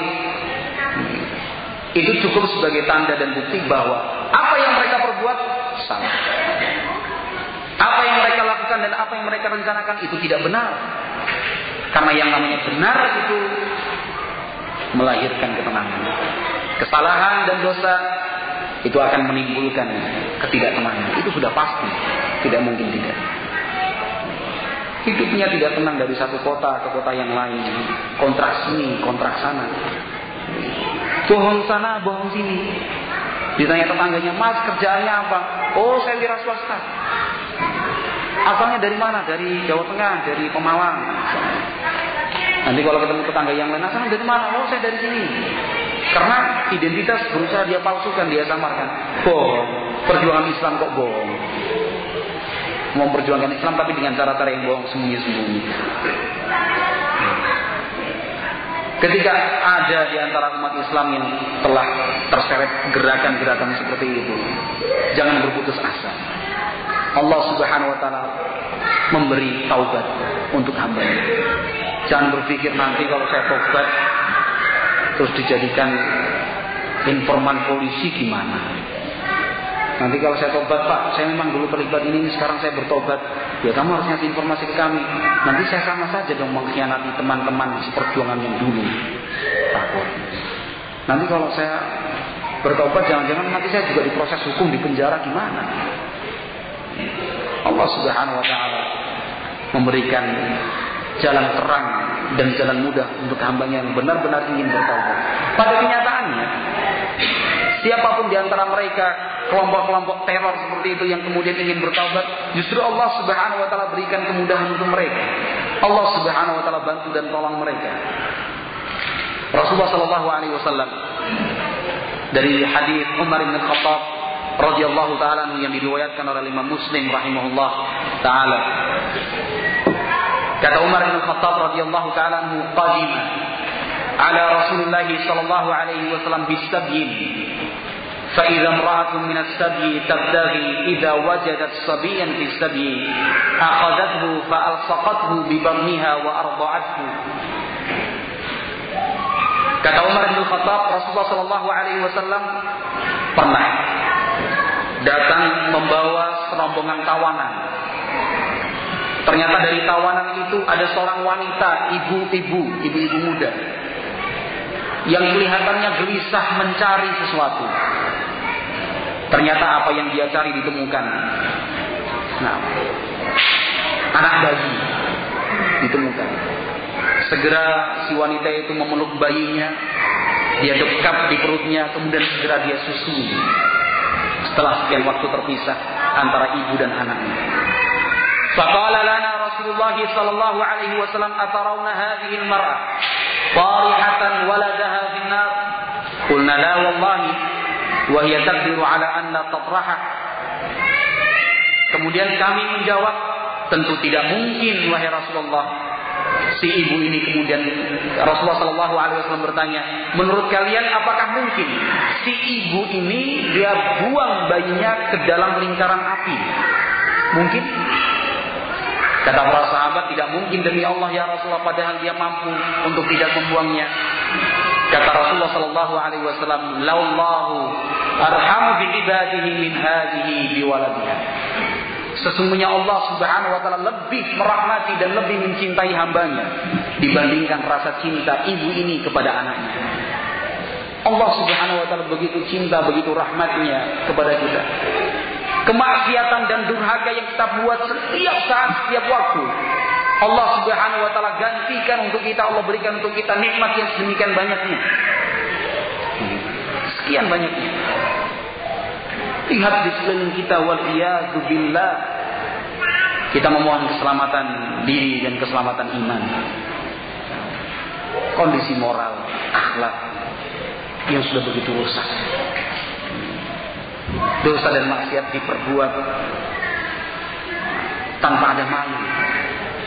Nah, masing-masing berebut untuk nah, merekam kegiatan mesumnya sendiri-sendiri. Kemudian dilemparkan, disebarkan ke sana kemari di internet begitu bangganya dia. Video-video porno, waliyahulillah. Bintang dan aktris porno didatangkan, film-film sinetron dan bioskop produksi Indonesia yang selalu nah, mengumbar birahi. Ini semua terjadi di lingkungan kita. Kita rasakan ada di sekeliling dan sekitar kita. Dan Allah Subhanahu wa taala Maha Rahmat.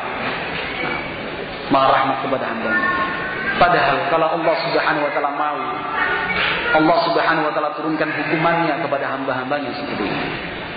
Tetapi Allah Subhanahu wa taala terus memberikan waktu, terus memberikan waktu. Masih ada waktu itu untuk bertaubat. Kalau hari ini tidak bisa besok, berapa banyak di antara anak-anak muda sekarang yang tidak bisa lepas dari minum-minuman keras?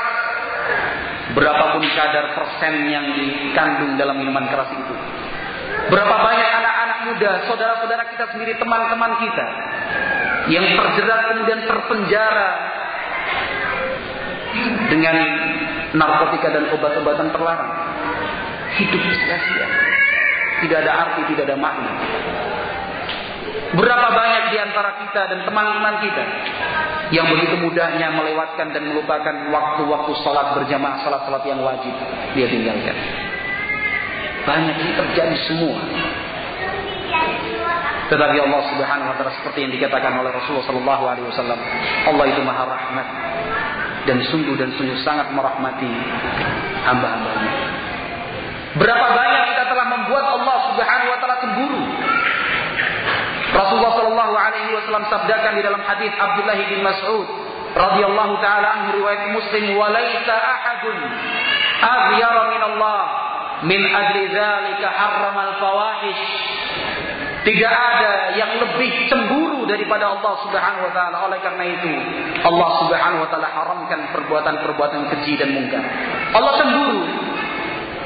Dan cemburu Allah Subhanahu wa taala itu jika seorang hamba melakukan sesuatu yang dilarang olehnya. Allah cemburu. Sekarang berapa banyak kita membuat Allah Subhanahu wa taala cemburu? Dosa ini kita perbuat, dosa yang sana pernah kita lakukan. Yang ini belum selesai ingin mencoba yang sana. Kalau kali ini tidak terlihat, tidak diketahui orang, kenapa tidak besok pun kita berusaha? Kita pasti mampu melakukannya tanpa dilihat orang. Kewajiban ini saya tinggalkan toh tidak terjadi apa-apa. Sudah sering kewajiban itu saya saya tinggalkan, tapi sampai sekarang saya masih bisa hidup karena Allah Subhanahu wa taala Maha merahmati hambanya. Kita diberikan waktu. Terus diberikan panggung, terus tanggung. Sekarang pertanyaannya seperti yang dikatakan oleh Rasulullah sallallahu alaihi wasallam, berapa banyak kita telah membuat Allah Subhanahu wa taala cemburu? Berapa banyak kita telah membuat Allah Subhanahu wa taala cemburu? Terlalu banyak dan terlalu sering. Nah, dari dosa-dosa yang paling kecil yang kita anggap kecil. Hingga dosa-dosa yang besar yang kita anggap kecil. Hingga dosa-dosa besar yang kita yakini sebagai dosa besar tetap saja kita lakukan.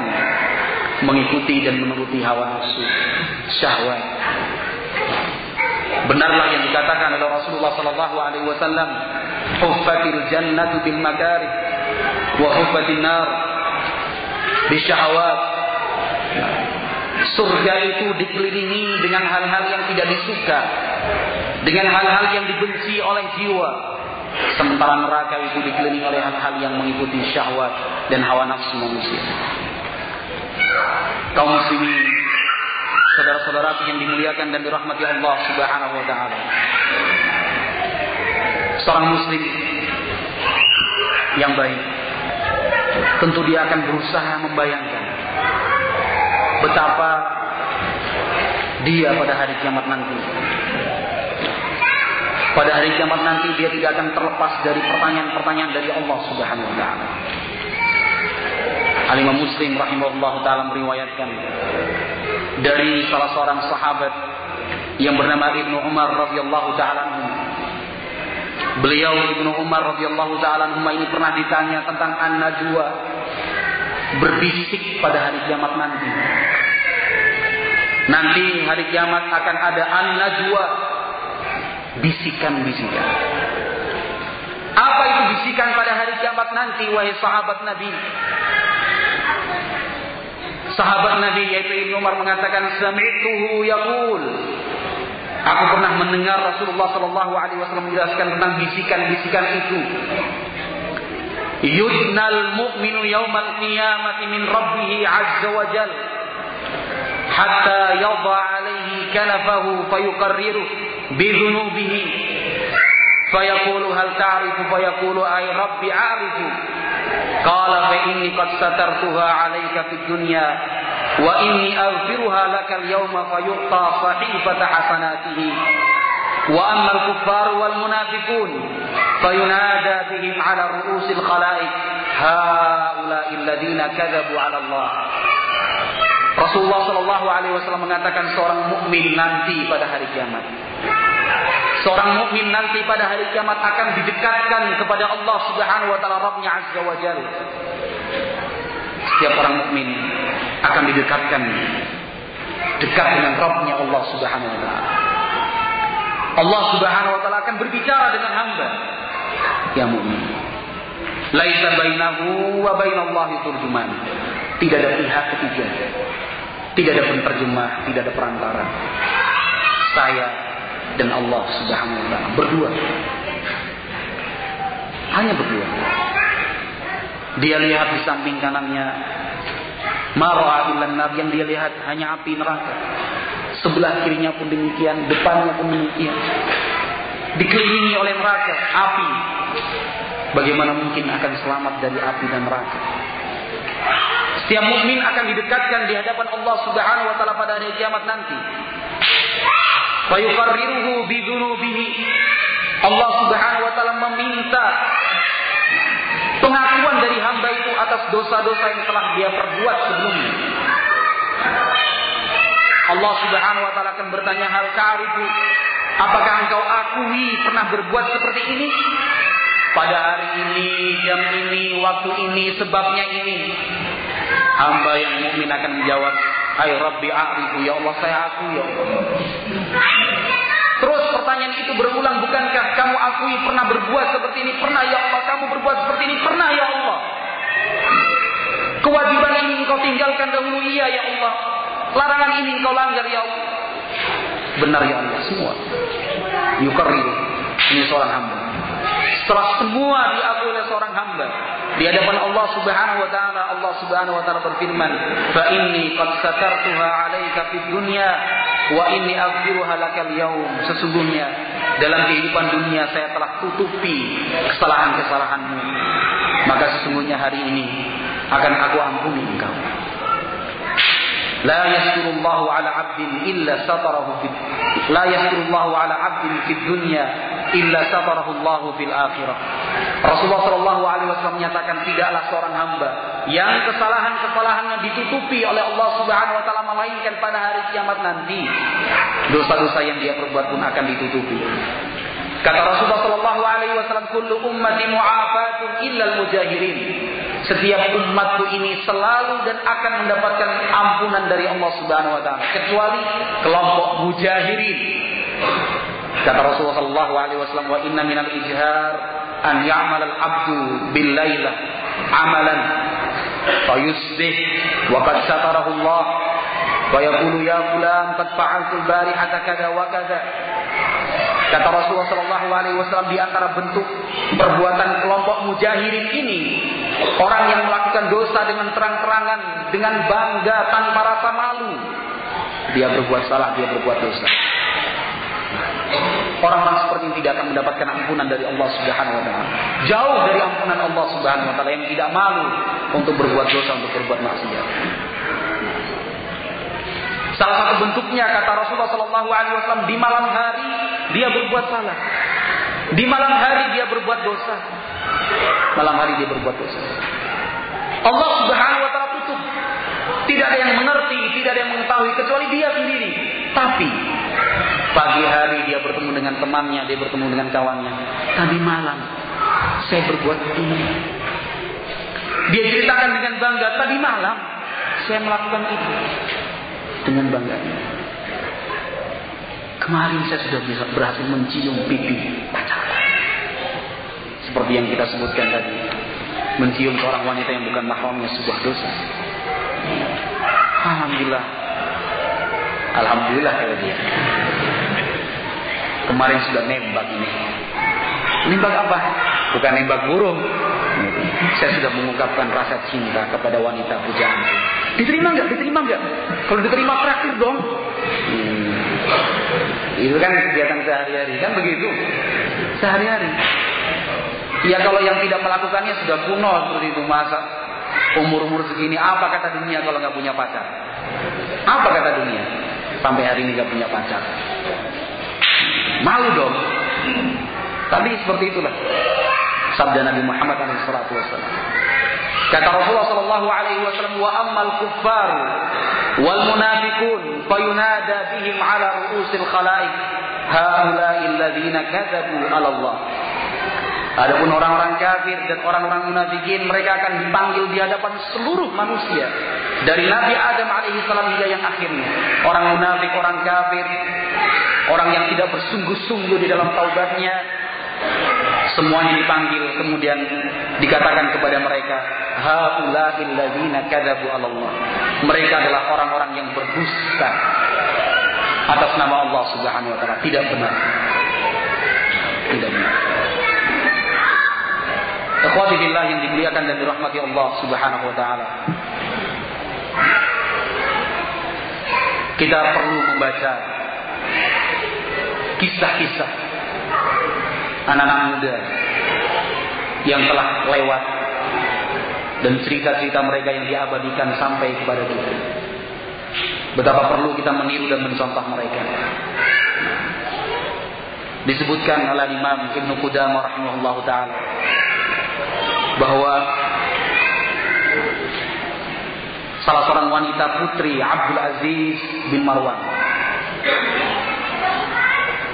Saudara dari Umar bin Abdul Aziz khalifah yang terkenal itu.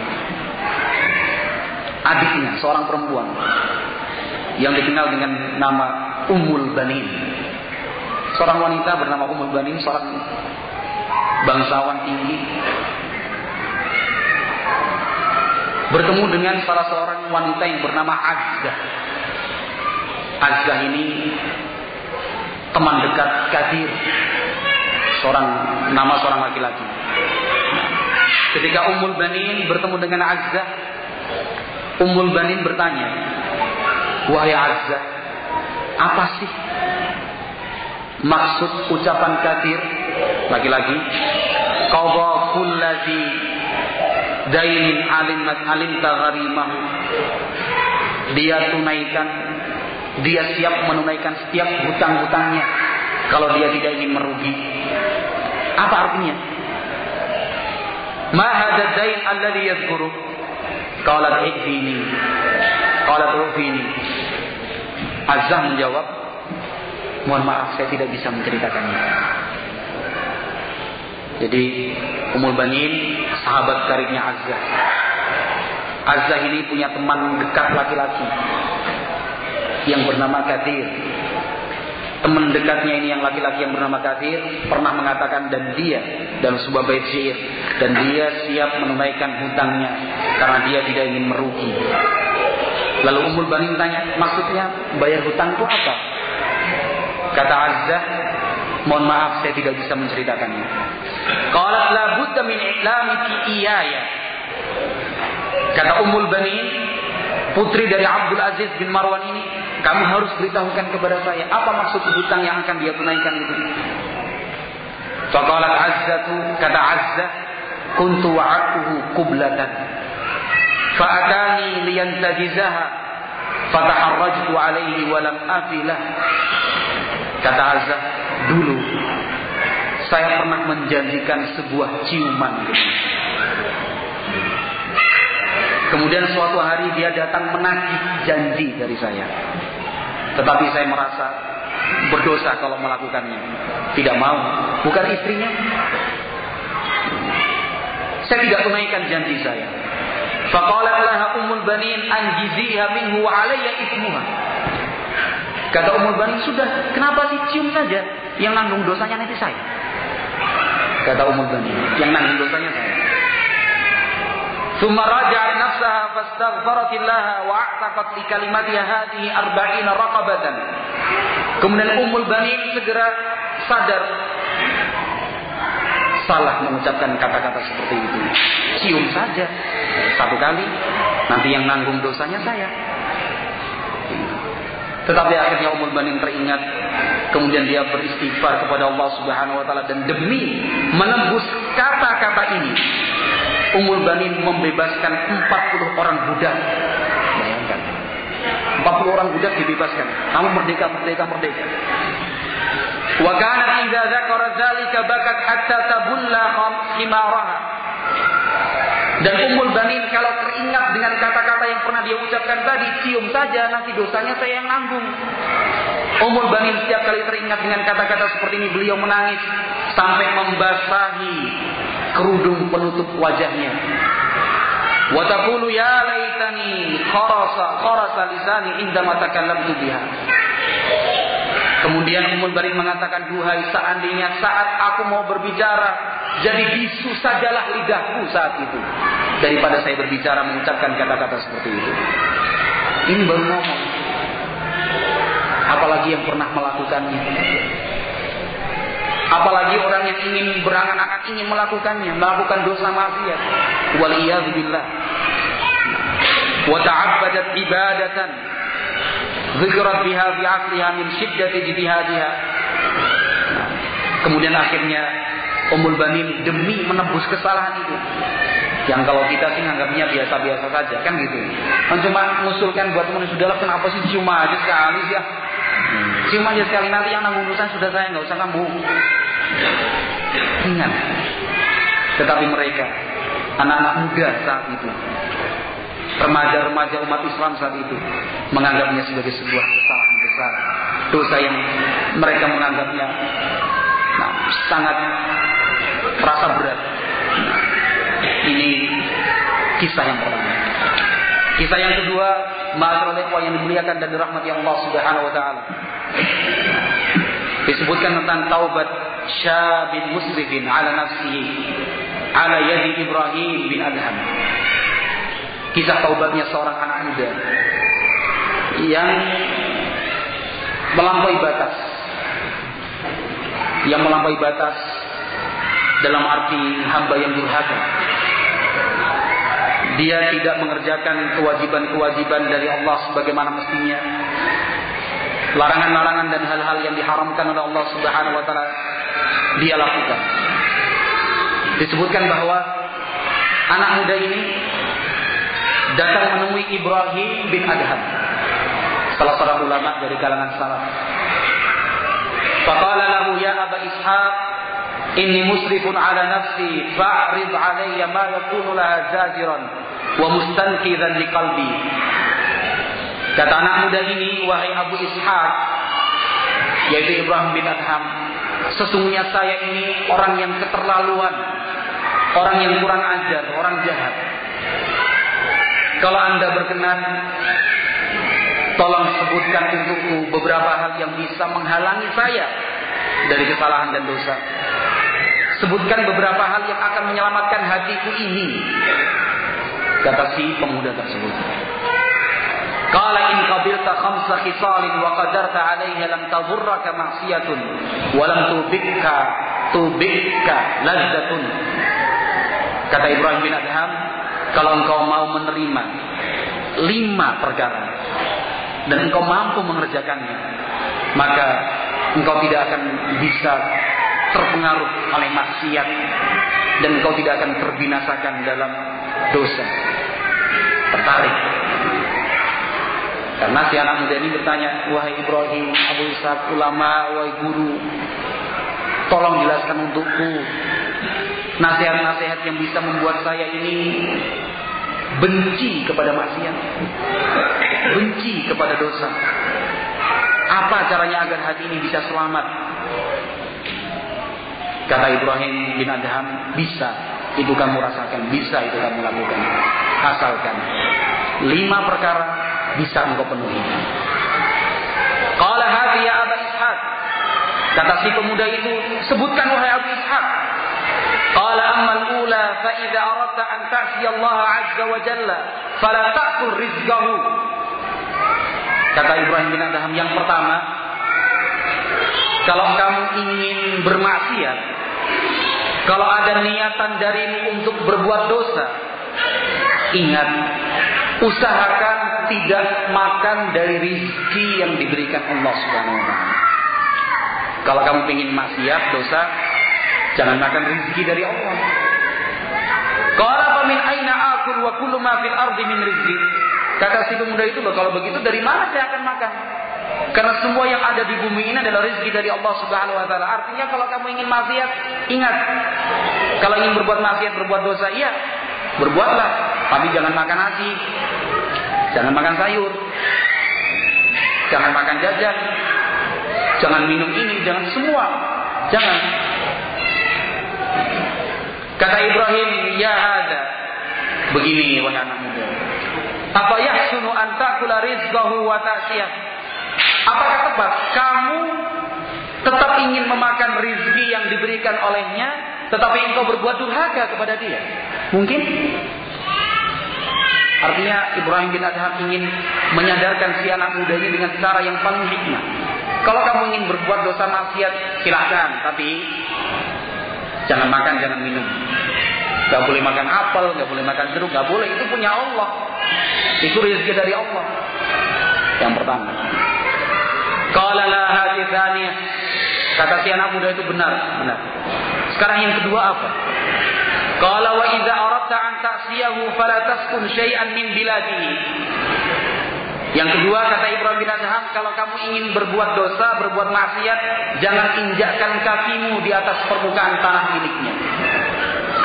Qala ar-rajulu hadhihi a'zam al-ula. Kata si pemuda itu, wah ini lebih sulit. Lebih sulit. Idza kana al-masyriq wal maghrib wa ma bainahuma lahu fa ina askun. Ini semua bumi dari ujung timur hingga ujung barat semua ini milik Allah Subhanahu wa taala. Di mana saya akan tinggal? Akhirnya Ibrahim menjelaskan, "Ya hadza apa yahsunu an ta'kula rizqahu wa taskuna biladahu wa ta'siyahu?" Begini wahai anak muda, apakah mungkin bisa diterima kamu makan dari rizkinya. Kamu berdiri dan tinggal di atas tanah bumi miliknya. Lalu engkau kemudian durhaka dan berdosa kepadanya. Mungkin diterima? Kalala kata anak muda itu tidak. Hati zalika. Apa yang ketiga wahai imam? Qala idza aradta an ta'siyahu wa anta tahta rizqihi wa fi biladihi mau bi an la yaraka fiha mubarizan lahu fa'tihi kata Ibrahim bin Adham begini kalau kamu ingin berbuat maksiat ini yang ketiga. Kalau kamu ingin berbuat maksiat berbuat dosa. Dan kamu masih ingin makan dari rezekinya masih tetap ingin tinggal di atas tanah miliknya. Tidak apa-apa. Tapi carilah sebuah tempat yang Allah Subhanahu wa taala tidak bisa melihatmu. Kamu ingin tetap berbuat maksiat, tapi tetap ingin makan, minum dari rezeki Allah dan tetap tinggal tinggal di atas muka bumi? Iya. Tapi cari sebuah tempat yang Allah tidak bisa melihatmu. Di tempat itu silahkan berbuat maksiat. Qala ya Ibrahim kaifa hadza? Wa huwa muttali'un fis sarair. Wahai Ibrahim, wahai guruku, Bagaimana mungkin ini bisa saya kerjakan? Padahal Allah Subhanahu wa taala Maha mengetahui apa yang dirahasiakan. Qala ya hadza afa yahsunu an taqula rizqahu wa taskuna biladahu wa ta'siyahu wa huwa yaraka wa yara ma tujahiruhu bihi. Kata Ibrahim bin, Adham wahai anak muda, apakah mungkin bisa diterima? Kamu ingin makan rizkinya, kamu ingin hidup dan tinggal di atas bumi miliknya, dan kamu ingin bermaksiat di sebuah tempat yang engkau tidak ingin dilihat olehnya. Engkau ingin berbuat dosa di sebuah tempat yang tidak mungkin diawasi olehnya. Apa mungkin bisa diterima? Qala Kata si anak muda itu tidak wahai imam. Hadir rabi'ah. Sekarang apa yang keempat? Qala idza ja'aka malakul maut liyaqbidha ruhak faqul lahu akhirni hatta atuba taubatan nasuha wa a'mala lillahi amalan salihan. Yang keempat kata Ibrahim bin Adham begini, wahai anak muda, kalau kamu masih ingin berbuat maksiat, masih ingin makan dari rezekinya, tinggal di atas bumi miliknya, mencari tempat yang kamu kira bisa dirahasiakan. Yang keempat, nanti kalau malaikat maut pencabut nyawa datang kepadamu untuk mencabut nyawamu, sampaikan kepada dia. Mohon diberi tempo. Coba kamu bilang ke malaikat maut nanti, tolong diakhirkan. Saya ingin taubat dengan baik dulu dan saya ingin beramal soleh dulu untuk Allah Subhanahu wa taala. Qala la yaqbalu minni.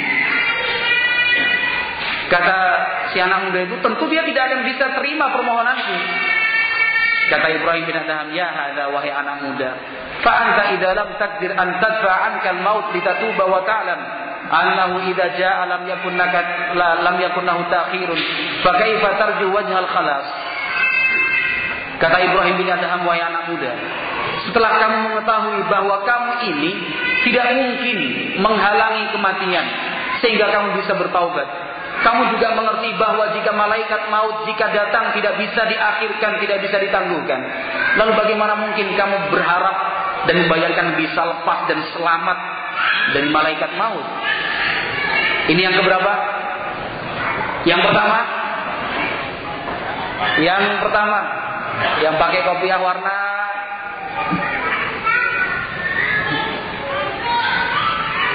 yang pertama. Antum yang pertama, kalau pengen maksiat jangan makan rezeki dari Allah. Mungkin? Tidak mungkin. Maka apa alasan kita berbuat maksiat? Kan begitu. Yang kedua, sampingnya.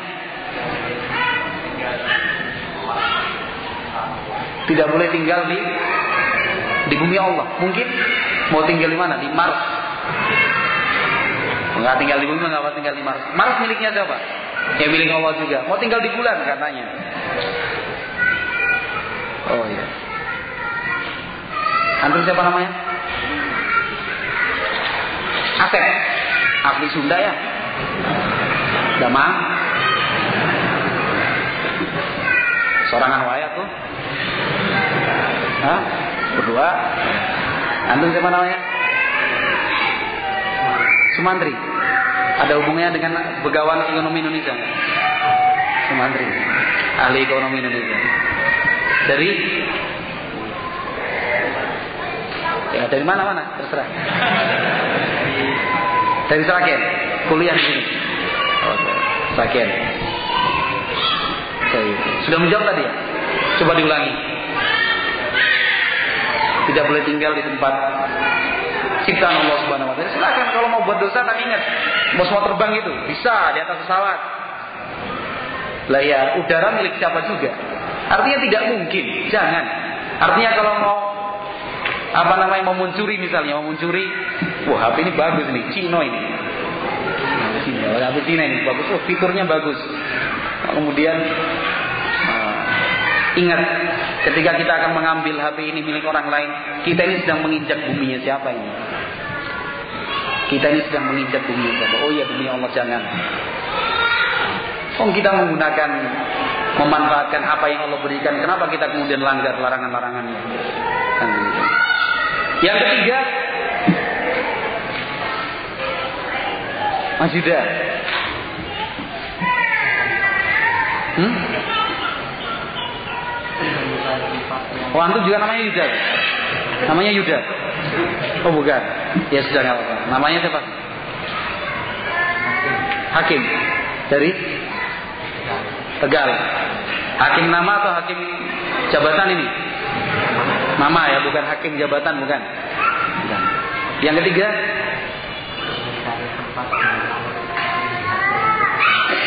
mencari tempat yang Allah tidak bisa melihat kita berbuat maksiat di sana. Mungkin? Mungkin. Di bunker-bunker? Di dasar lautan, di terowongan minyak buatan Jepang itu. Tapi sekarang kan enggak, sedang tsunami. Nggak bisa. Di atas awan. Ditutupi banyak orang. Nggak bisa juga. Artinya, apa alasan kita kemudian berbuat maksiat? Kan begitu sebenarnya. Yang keempat, Mas Yuda. Mas Yuda itu. Ya, semuanya ini kayaknya semuanya namanya Yuda ini. Yuda waktu.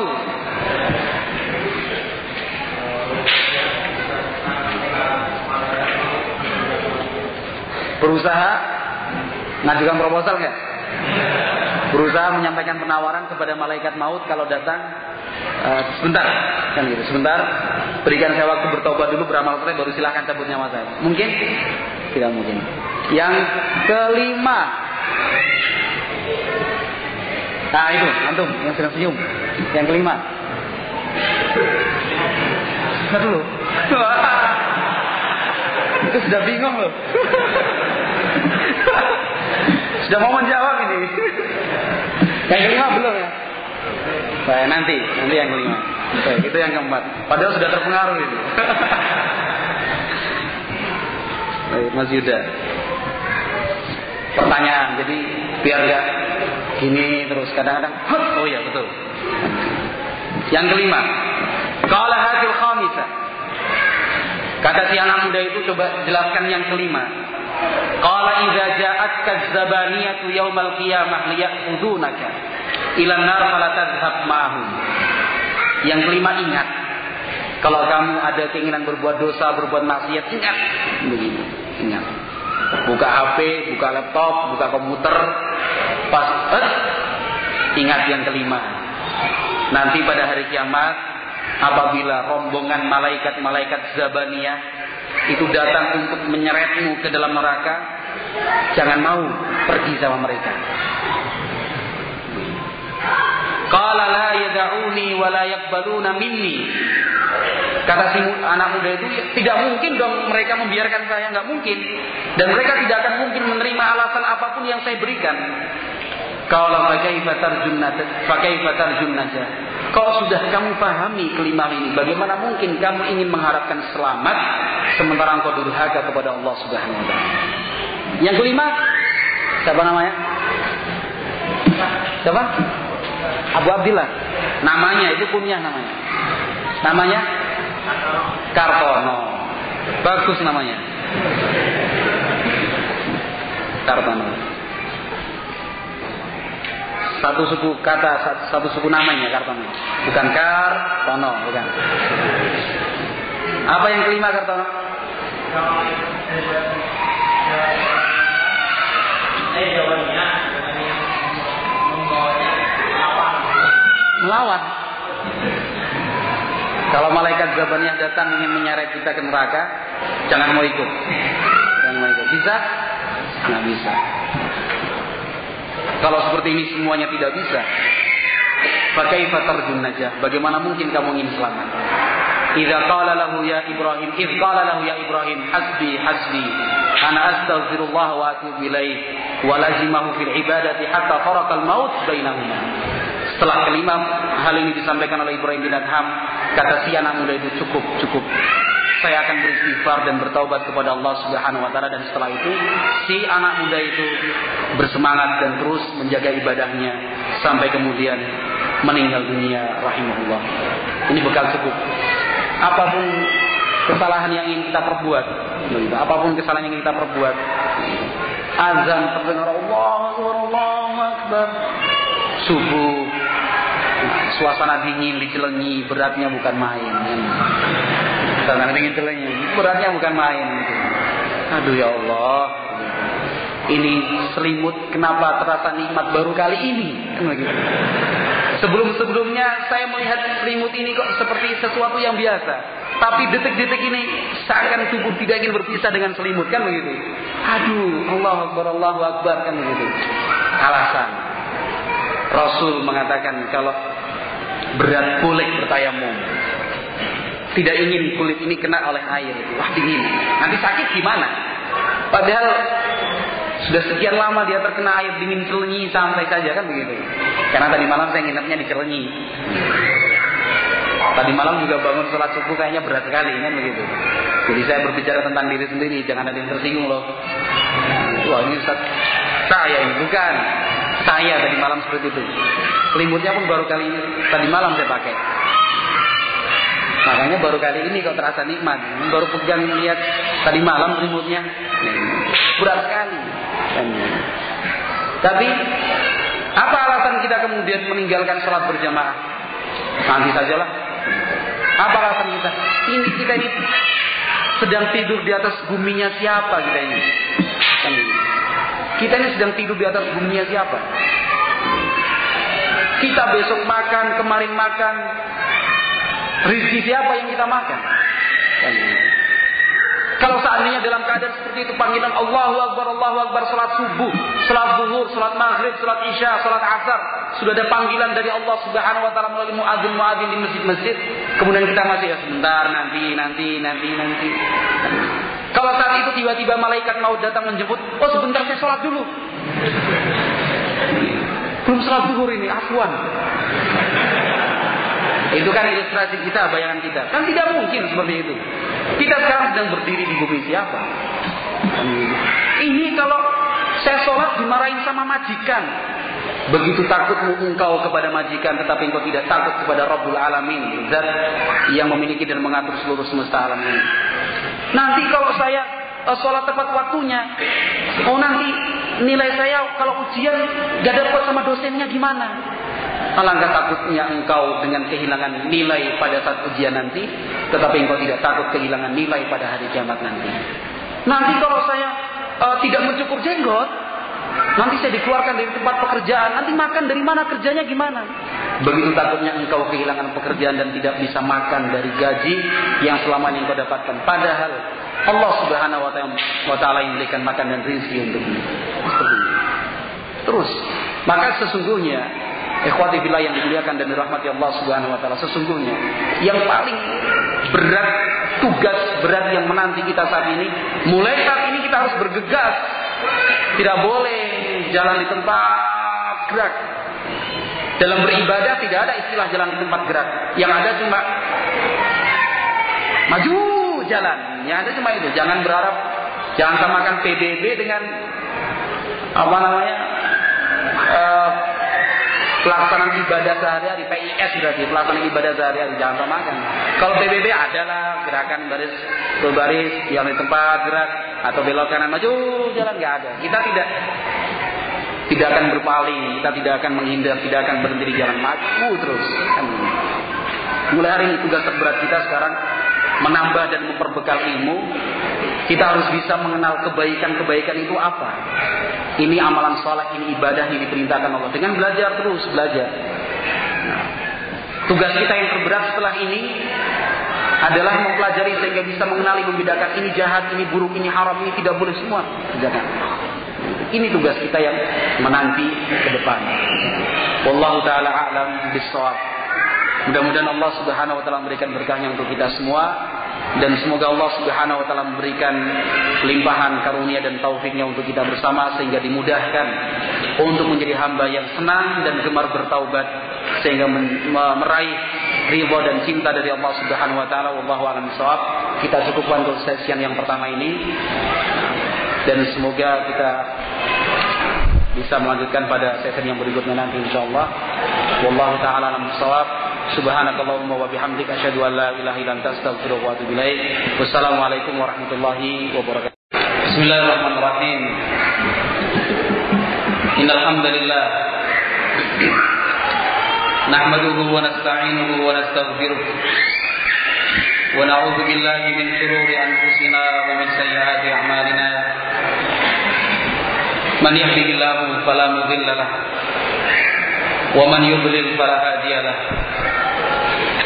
أشهد أن لا إله إلا الله وحده لا شريك له. وأشهد أن محمدا عبده ورسوله. صلى الله عليه وعلى آله وأصحابه ومن تبعهم بإحسان إلى يوم الدين قال الله عز وجل في كتابه الكريم يا أيها الذين آمنوا اتقوا الله حق تقاته ولا تموتن إلا وأنتم مسلمون فإن أصدق الحديث كتاب الله وخير الهدى هدى نبينا محمد صلى الله عليه وسلم وشر الأمور محدثاتها فإن كل محدثة بدعة وكل بدعة ضلالة وكل ضلالة في النار Ikhwati fiddin yang dimuliakan dan dirahmati Allah Subhanahu wa taala. seorang hamba hendaknya dia melihat dari kesalahan yang telah dia perbuat dari sisi-sisi yang positif. Kesalahan yang telah dia lakukan sebelumnya hendaknya menjadi sebab lahirnya amalan-amalan kebaikan. Tanpa adanya kesalahan, maka tidak akan terwujud sikap taubat dari seorang hamba. Tanpa ada kesalahan, seorang hamba tidak akan menyadari bahwa dirinya adalah makhluk yang lemah. Maka kesalahan yang pernah dilakukan oleh seorang hamba sesungguhnya adalah jalan kebaikan yang dibentangkan oleh Allah Subhanahu wa taala. Taubat seorang hamba adalah sesuatu yang sangat dibenci oleh syaitan dan bala tentaranya. Seorang hamba yang terjatuh dalam kesalahan dan dosa. Mulanya syaitan senang dan berbahagia. Akan tetapi ketika hamba tersebut kemudian dengan kesalahannya justru menyadari akan arti kekurangan dan kelemahan dirinya.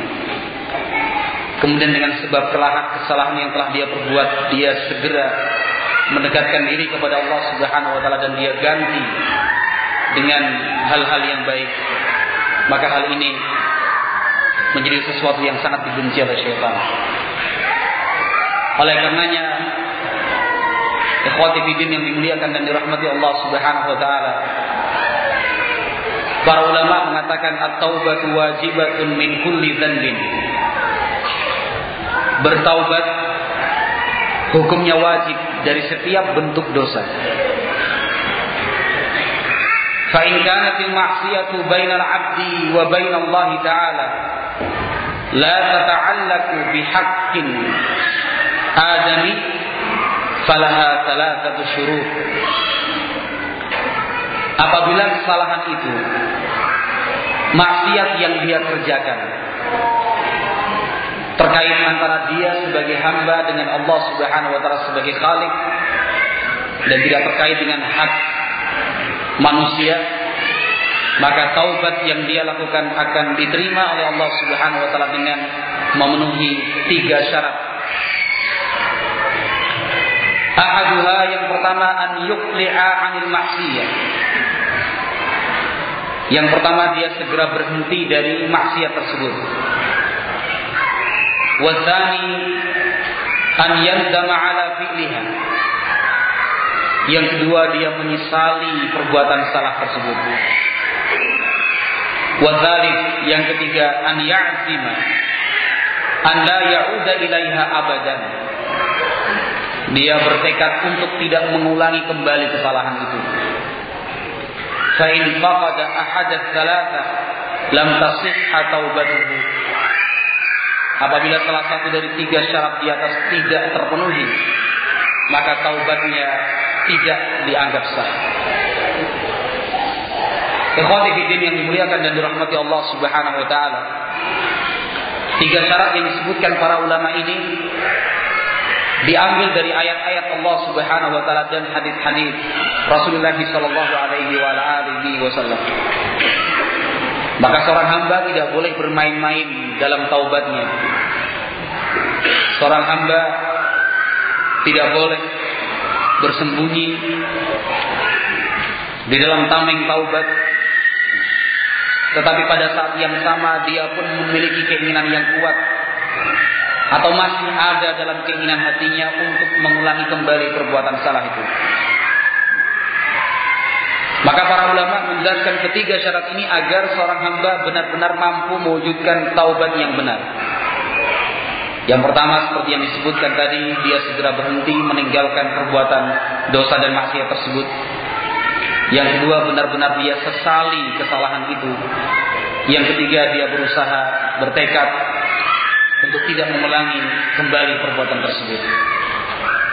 Seandainya, seandainya. Ketiga syarat ini telah dia penuhi, telah dia usahakan, namun pada suatu saat dia kembali tergoda. Melakukan kesalahan yang sama.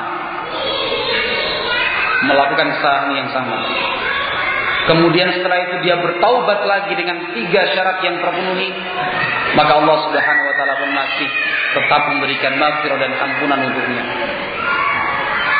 Syarat yang pertama tadi dia segera menghentikan perbuatan dosa itu. Yang kedua dia sesali kesalahan tersebut. Yang ketiga dia bertekad untuk tidak mengulangi kembali. Ketika dia melakukan kesalahan itu dan tiga syarat ini terpenuhi, maka Allah Subhanahu wa taala terima taubatnya.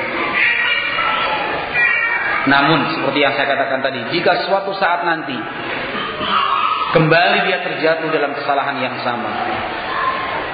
Kemudian setelah dia terjatuh dalam kesalahan yang sama pada yang kedua kalinya, Kemudian kembali dia bertaubat dengan tiga syarat yang terpenuhi seperti kesalahan dia yang pertama. Maka Allah Subhanahu wa taala tetap memberikan maghfirah dan ampunan untuknya. Al-Imam Muslim rahimahullah taala meriwayatkan di dalam sahihnya sebuah hadis qudsi yaitu firman Allah Subhanahu wa taala disebutkan aznaba abdun zanban faqala Allahumma ighfirli dhanbi seorang hamba telah jatuh dalam satu perbuatan dosa kemudian hamba tersebut berdoa ya Allah ampunilah dosaku faqala tabaraka wa ta'ala aznaba 'abdi dhanbin فعلم أن له ربا يغفر الذنب ويأخذ بذنبه Kemudian Allah Subhanahu wa taala tabaraka wa taala mengatakan, "Hambaku telah berbuat dosa." Dia menyadari, meyakini bahwa dia memiliki Rabb yang selalu memberikan ampun pada dosa yang diperbuat dia pun menyadari dan meyakini bahwa Allah Subhanahu wa taala dapat menyiksa dan menghukum dirinya dengan dosa yang telah dia perbuat. 'Ada fa aznaba fa qala ay rabbi ighfirli dhanbi. Kemudian setelah dia mendapatkan ampunan dari Allah Subhanahu wa taala terulang lagi. Terulang lagi. Tanpa sedikit pun dia memiliki keinginan yang tersisa. Oh, besok saya kerjakan lagi. Itu semua sudah tertutup. Saya berbuat dosa, bertaubat, tiga syarat terpenuhi, tanpa ada sedikit pun menyisakan dalam hati keinginan buruk. Besok akan diulang lagi. Tapi ternyata terulang kembali. Lalu bertaubat lagi. Terus seperti ini. Sampai berkali-kali. Nah, Allah Subhanahu wa taala menyatakan ayat aznaba 'abdi dhanbin fa'alima anna lahu rabban yaghfiru dhanba wa ya'khudhu bidzanbi Hambaku menyadari meyakini bahwa dia memiliki Rabb yang memberikan ampun atas dosa yang dia perbuat atau justru menghukumnya. Allah Subhanahu wa taala berfirman, "I'mal ma syi'ta faqad ghafartu lak." Berbuatlah apa yang engkau mau, sesungguhnya aku telah ampuni dirimu. Hadis ini dipahami salah oleh sebagian dan mengatakan kalau sudah seperti itu berarti perbuatan apa saja boleh kita kerjakan, bukan. Akan tetapi hadis ini disabdakan oleh Rasulullah Shallallahu Alaihi Wasallam dalam makna setiap kali kamu berbuat salah maka mintalah ampun kepada Allah niscaya akan diampuni oleh Allah Subhanahu Wa Taala. Ini makna hadis. Sabda Nabi Muhammad SAW, "Ikmal ma syi'ta faqad ghafartu lak." Kerjakan apa yang engkau mau, aku akan ampuni kamu. Artinya, setiap kali kamu berbuat salah, mintalah ampun maghfirah, niscaya Allah Subhanahu wa taala akan memberikan ampunan untukmu. Artinya, rahmat dan maghfirah dari Allah Subhanahu wa taala sangat luas. Berdasarkan dosa, Ikhwati yang dimuliakan dan dirahmati Allah Subhanahu wa taala. Seorang hamba akan merasakan berbagai macam hukuman yang datangnya dari Allah Subhanahu wa taala. yang pada umumnya secara garis besar akibat dari perbuatan dosa yang tidak segera bertaubat darinya adalah dihalangi dari kebaikan-kebaikan dan akan dimudahkan untuk melakukan keburukan demi keburukan. Seorang hamba yang berbuat dosa lalu dia tidak segera bertaubat dari dosa tersebut, maka dia akan terhalang dari rizkinya. Menjadi sebab yang menghalangi dia dari rizkinya. Nah, lihat, apa benar ucapan Ustaz? Ternyata banyak orang jahat kaya-kaya. Kan. Yang mukmin, yang muslim, yang katanya salafi. Ya Allah Ustaz, duh miskin-miskin, fakir-fakir. Katanya kalau senang bertaubat, rizkinya lancar. Kan begitu. Kalau sering-sering berbuat dosa, rizkinya akan terhalang. Seperti apa ini? Ikhwati yang dimuliakan dan dirahmati Allah Subhanahu wa taala. Rizki itu tidak selalu dipahami dalam bentuk materi. Rizki tidak selalu dalam bentuk materi, uang, harta, gedung, kendaraan. Tidak. Rezeki itu banyak macamnya. Rezeki itu banyak macamnya. Adakah rezeki yang lebih baik dibandingkan keimanan dan keyakinan kita terhadap keimanan tersebut? Tidak ada yang lebih indah daripada rezeki yang seperti ini. Karena kita sendiri pun tidak mengetahui sebenarnya rizki yang diberikan Allah Subhanahu wa taala untuk kita dalam bentuk apa saja. Kita tidak mengerti ilmu gaib. Si A misalnya kaya raya, padahal dia kan orang jahat. Siapa yang mengerti seandainya dia tidak berbuat jahat, malah Allah Subhanahu wa taala lipat gandakan lagi rezeki untuknya. Si B misalnya, ini orang miskin, orang fakir,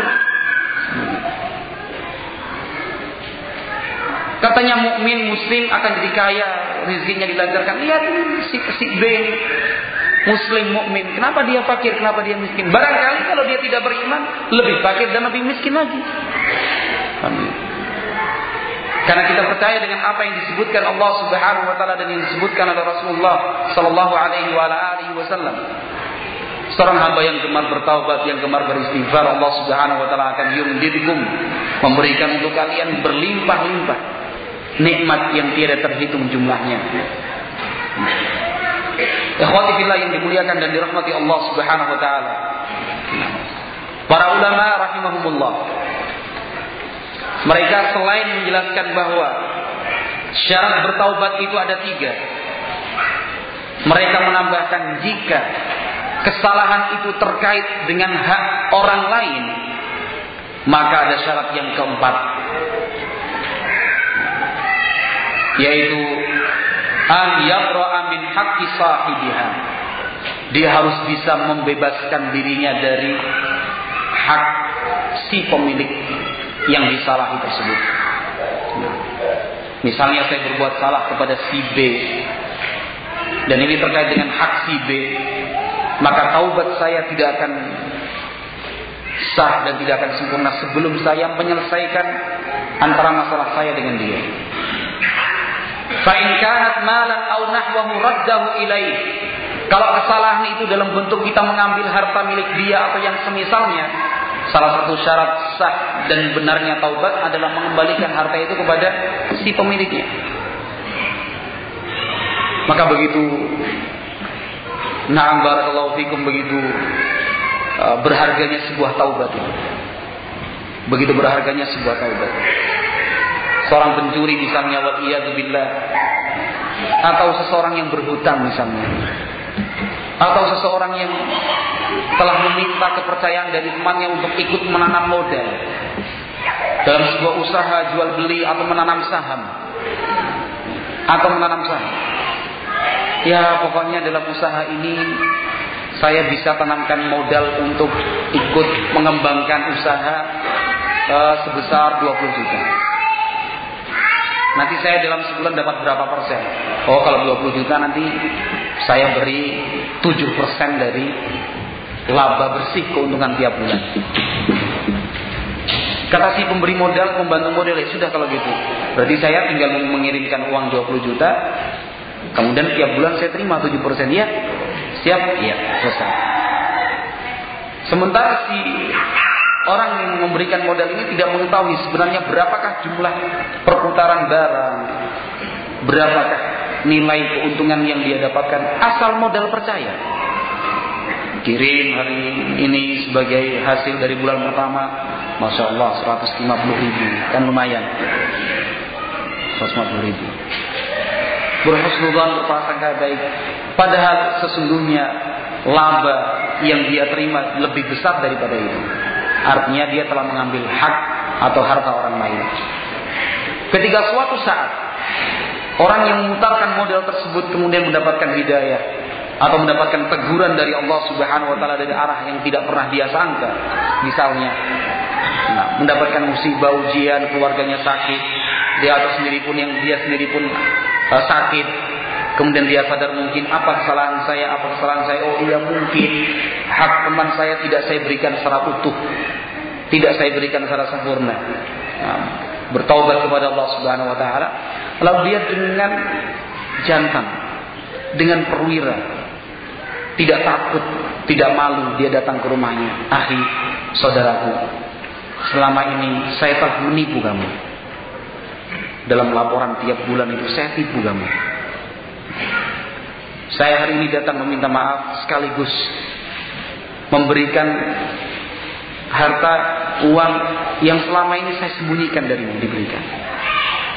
Kira-kira dengan hal yang seperti ini, bagi orang yang baik, apakah akan menimbulkan perselisihan, akan menimbulkan kebencian? Tidak. Orang yang baik akan menerima uluran tangan saudaranya yang minta maaf, oh ya sudahlah, nggak apa-apa. Kita juga manusia biasa, saya juga bisa memaklumi, mungkin ini dan itu sudah, nggak apa-apa. Ini sudah kita bagi dua saja, oh saya juga tidak pernah berpikir seperti itu. Kejadiannya seperti itu. Tetapi apa yang bisa kita bayangkan kalau dia kemudian pada akhirnya mengetahui pengkhianatan temannya bukan atas pengakuannya, justru dari orang lain. Kamu tahu nggak? Usaha dia itu sebenarnya besar. Kamu ngasih modal dia untuk 20 juta kan tiap bulan dapat 7 persen. Berapa 7 persen bulan kemarin 140 ribu? Oh nggak mungkin. Saya tahu sendiri kok hasilnya lebih daripada itu. Seharusnya kamu dapat 7 persen itu bukan cuma 150 ribu, sekian sekian sekian. Masa iya? justru akan menimbulkan kerugian. Tetapi ketika seorang hamba dengan berani datang meminta maaf, maka sesungguhnya hal-hal yang seperti ini justru akan menimbulkan dan menumbuhkan serta menguatkan cinta di antara mereka. Maka yang terpenting, yang terpenting adalah salah satu syarat sah taubat seorang hamba. Jika kesalahan dan kezaliman itu terkait dengan hak orang lain, harus dia selesaikan terlebih dahulu. Apa pun beratnya, seperti apa pun sulitnya, tetapi dia berusaha untuk mengembalikannya. Apa yang saya sebut dengan meskipun sulit, meskipun berat, Ketika saya misalnya menggunakan uang milik orang lain tanpa sepengetahuannya, dalam kasus tadi, sampai bertahun-tahun yang jika ditotal uang yang saya pakai tanpa hak milik orang lain itu ternyata dalam jumlah yang besar yang tidak mungkin akan saya kembalikan seutuhnya jumlah yang besar. Meskipun sulit tetaplah datang kepada orang tersebut menyatakan maaf selama ini saya berbuat salah ada sesuatu yang saya sembunyikan selama ini. Sebutkan saya telah berbuat ini ini itu. Kalau dijumlah mungkin kurang lebih 70 juta. Terus terang saya merasa bersalah saya bertobat kepada Allah Subhanahu wa taala dan saya ingin menyelesaikan masalah ini dengan Anda. Ingin saya selesaikan. Jadi jumlah total uang yang saya pakai saya markup selama ini itu 70 juta. Tapi sekarang saya tidak punya, tidak punya uang 70 juta. Silahkan apa yang harus saya kerjakan sekarang Asalkan saya bebas dari nah, beban seperti ini. Orang yang bijak, orang yang baik tentu akan menerima. Ya sudahlah, ya kalau bisa dibayar ya alhamdulillah. Kalau tidak tidak perlu dipikirkan atau dipotong setengahnya saja atau sudahlah itu infak dan sedekah dari saya. Nah, kita bisa menjadi orang yang pertama, orang yang siap memberi maaf, orang yang siap memberi maaf kita pun siap menjadi orang yang kedua, orang yang mau meminta maaf. Nah, ini kalau terkait dengan harta. Kalau wa in kanat hadda qadafin wa nahwihi makanahu minhu aw talaba afwah. Kalau itu terkait dengan hukum had karena atas tuduhan dusta, atas tuduhan dusta, maka ditetapkan dan ditegakkan untuknya kalau tidak dia meminta maaf. Wa in kanat ghibatan istahallahu minha. Tapi kalau kesalahan itu dalam bentuk ghibah, saya menceritakan aib dan kesalahan si A teman saya. Tiap hari yang diceritain si A terus si A itu begini sih. Kalau ngomong nggak bagus, kalau janji selalu dia ingkari ini dan itu makannya banyak. Diceritakan hal-hal yang sebenarnya tidak pantas dia ceritakan. Hingga suatu saat dia baca hadis Rasulullah Shallallahu Alaihi Wasallam atau tafsir ayat yang menjelaskan tentang haramnya ghibah. Hukuman apa yang disiapkan Allah Subhanahu Wa Taala untuk hamba yang senang berghibah? Tersentuh, terketuk hatinya, ingin bertaubat dari dosa ghibah. Maka sebagai bentuk kebenaran dan kejujuran taubatnya adalah dia meminta dihalalkan dari orang yang dia ghibahi. Berat memang. Kayaknya sulit ditemukan zaman-zaman seperti ini. Tiba-tiba ada orang datang, mohon maaf, kemarin saya cerita tentang antum, uh, tentang sifat-sifat antum yang jelek. Dikiranya malu. Yang kedua iya kalau bisa diterima dengan baik sama orangnya. Nah, kalau malah dibenci gimana? Nanti kalau malah malah memutus uh, hubungan pertemanan selama ini juga bagaimana? Akhirnya tidak dia lakukan. Padahal melakukannya dengan meminta maaf itu lebih baik daripada membiarkannya. Dan seorang hamba dia harus bertobat dari seluruh dosa. Nah, Allah Subhanahu wa taala berfirman wa tubu ila Allah jami'an ayyuhal mu'minuna la'allakum tuflihun. Dan bertaubatlah kalian kepada Allah Subhanahu wa taala semuanya. Wahai kaum mukminin, agar kalian beruntung, agar kalian berbahagia. Allah Subhanahu wa taala berfirman, "Ya ayyuhalladzina amanu tubu ilallahi taubatan nasuha." Wahai orang-orang yang beriman, bertaubatlah kalian kepada Allah dengan taubat yang nasuha. Nah, yang berikutnya ma'asyiral ikhwah rahimani wa rahimakumullah. Kita akan membaca beberapa perkataan para ulama yang terkait dengan taubat baik di dalam asar maupun di dalam tafsir Al-Quran Al-Karim. Disebutkan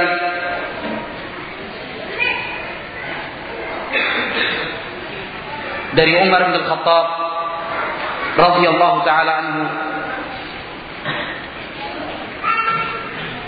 yang diriwayatkan oleh Imam Al-Hakim rahimahullah disebutkan oleh Imam Ibnu Qayyim Al-Jauziyah rahimahullah dalam kitabnya Madarijus Salikin bahwa Umar bin Khattab radhiyallahu taala ketika menafsirkan ayat Tubu ilallahi taubatan nasuha Bertaubatlah kalian kepada Allah Subhanahu wa taala dengan taubat yang nasuha.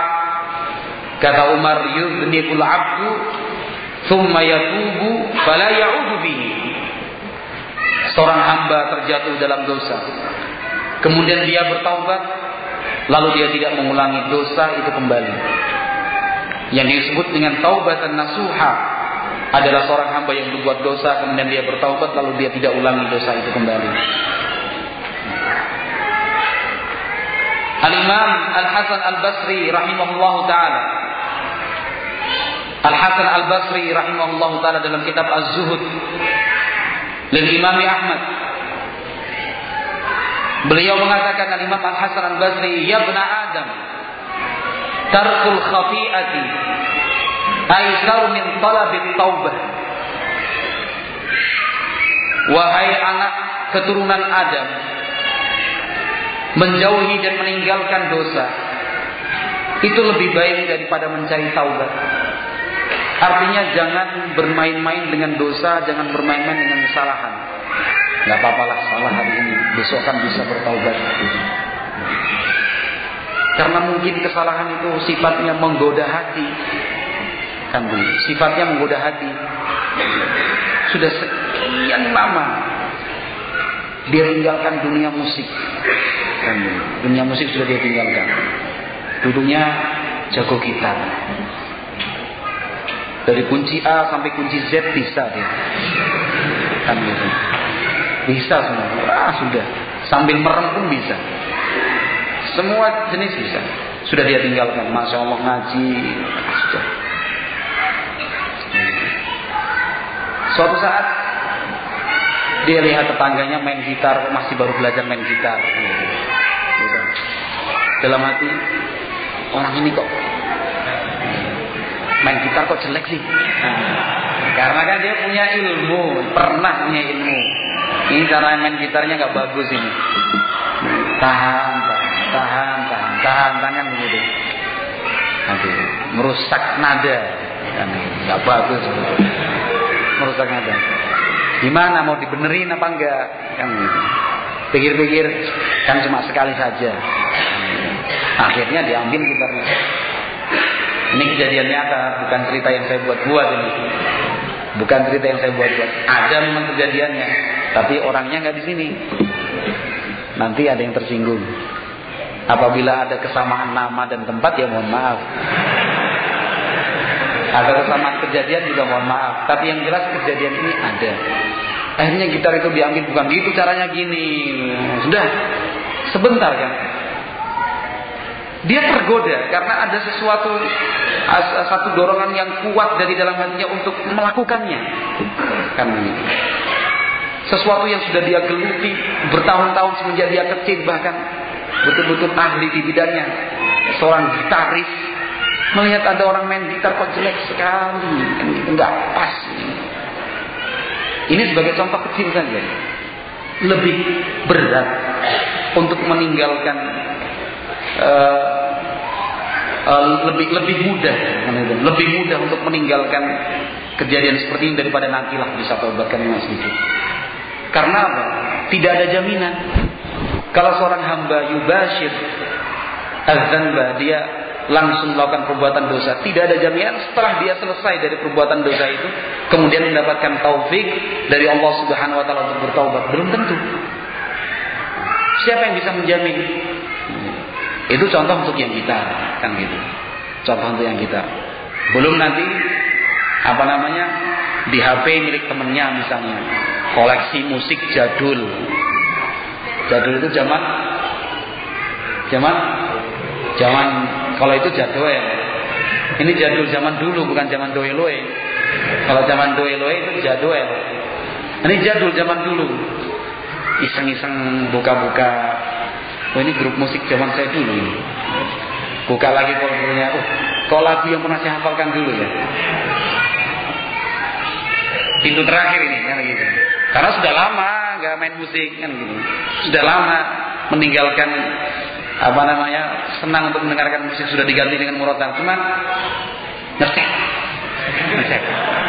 Awalnya kan cuma buka HP kan begitu. Buka HP pinjam HP-nya ya buka. Oh full musik ini. Buka. Ini grup musik zaman saya SMA dulu ini.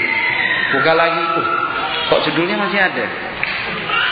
Nah, berapa kilobit ini cuma 4 menit pas cek jangan-jangan suaranya beda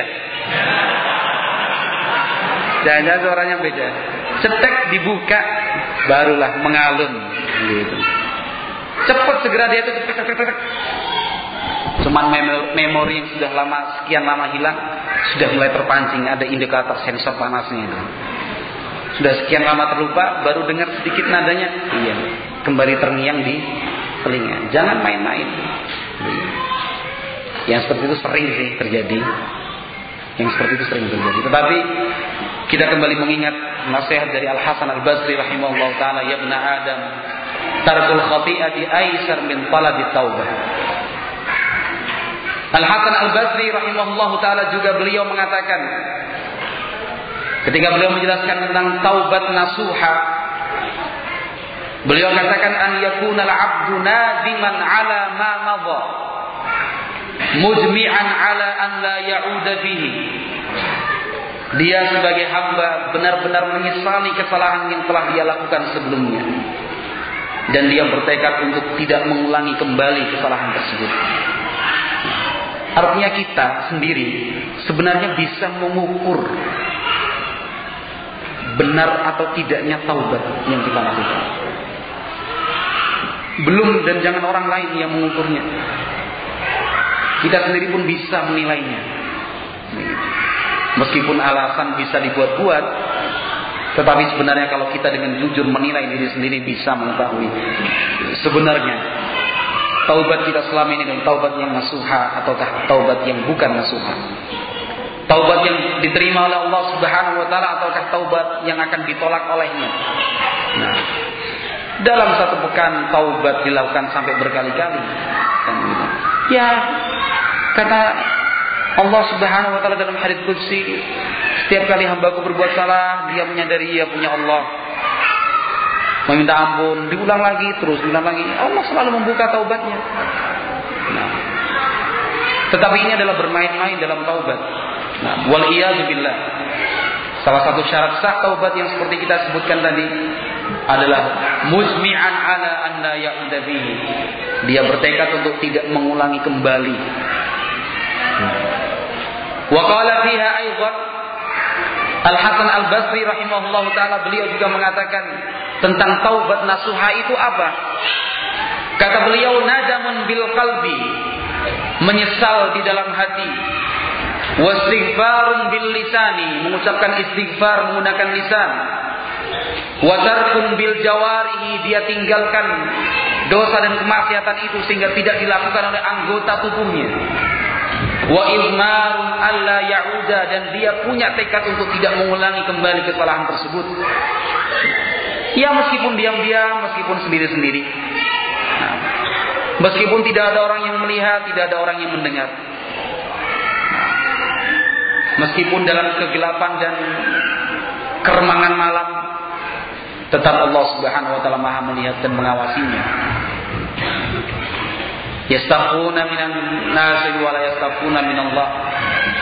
Mereka bisa bersembunyi dari manusia tetapi mereka tidak bisa bersembunyi dari pandangan dan pengawasan Allah Subhanahu wa taala.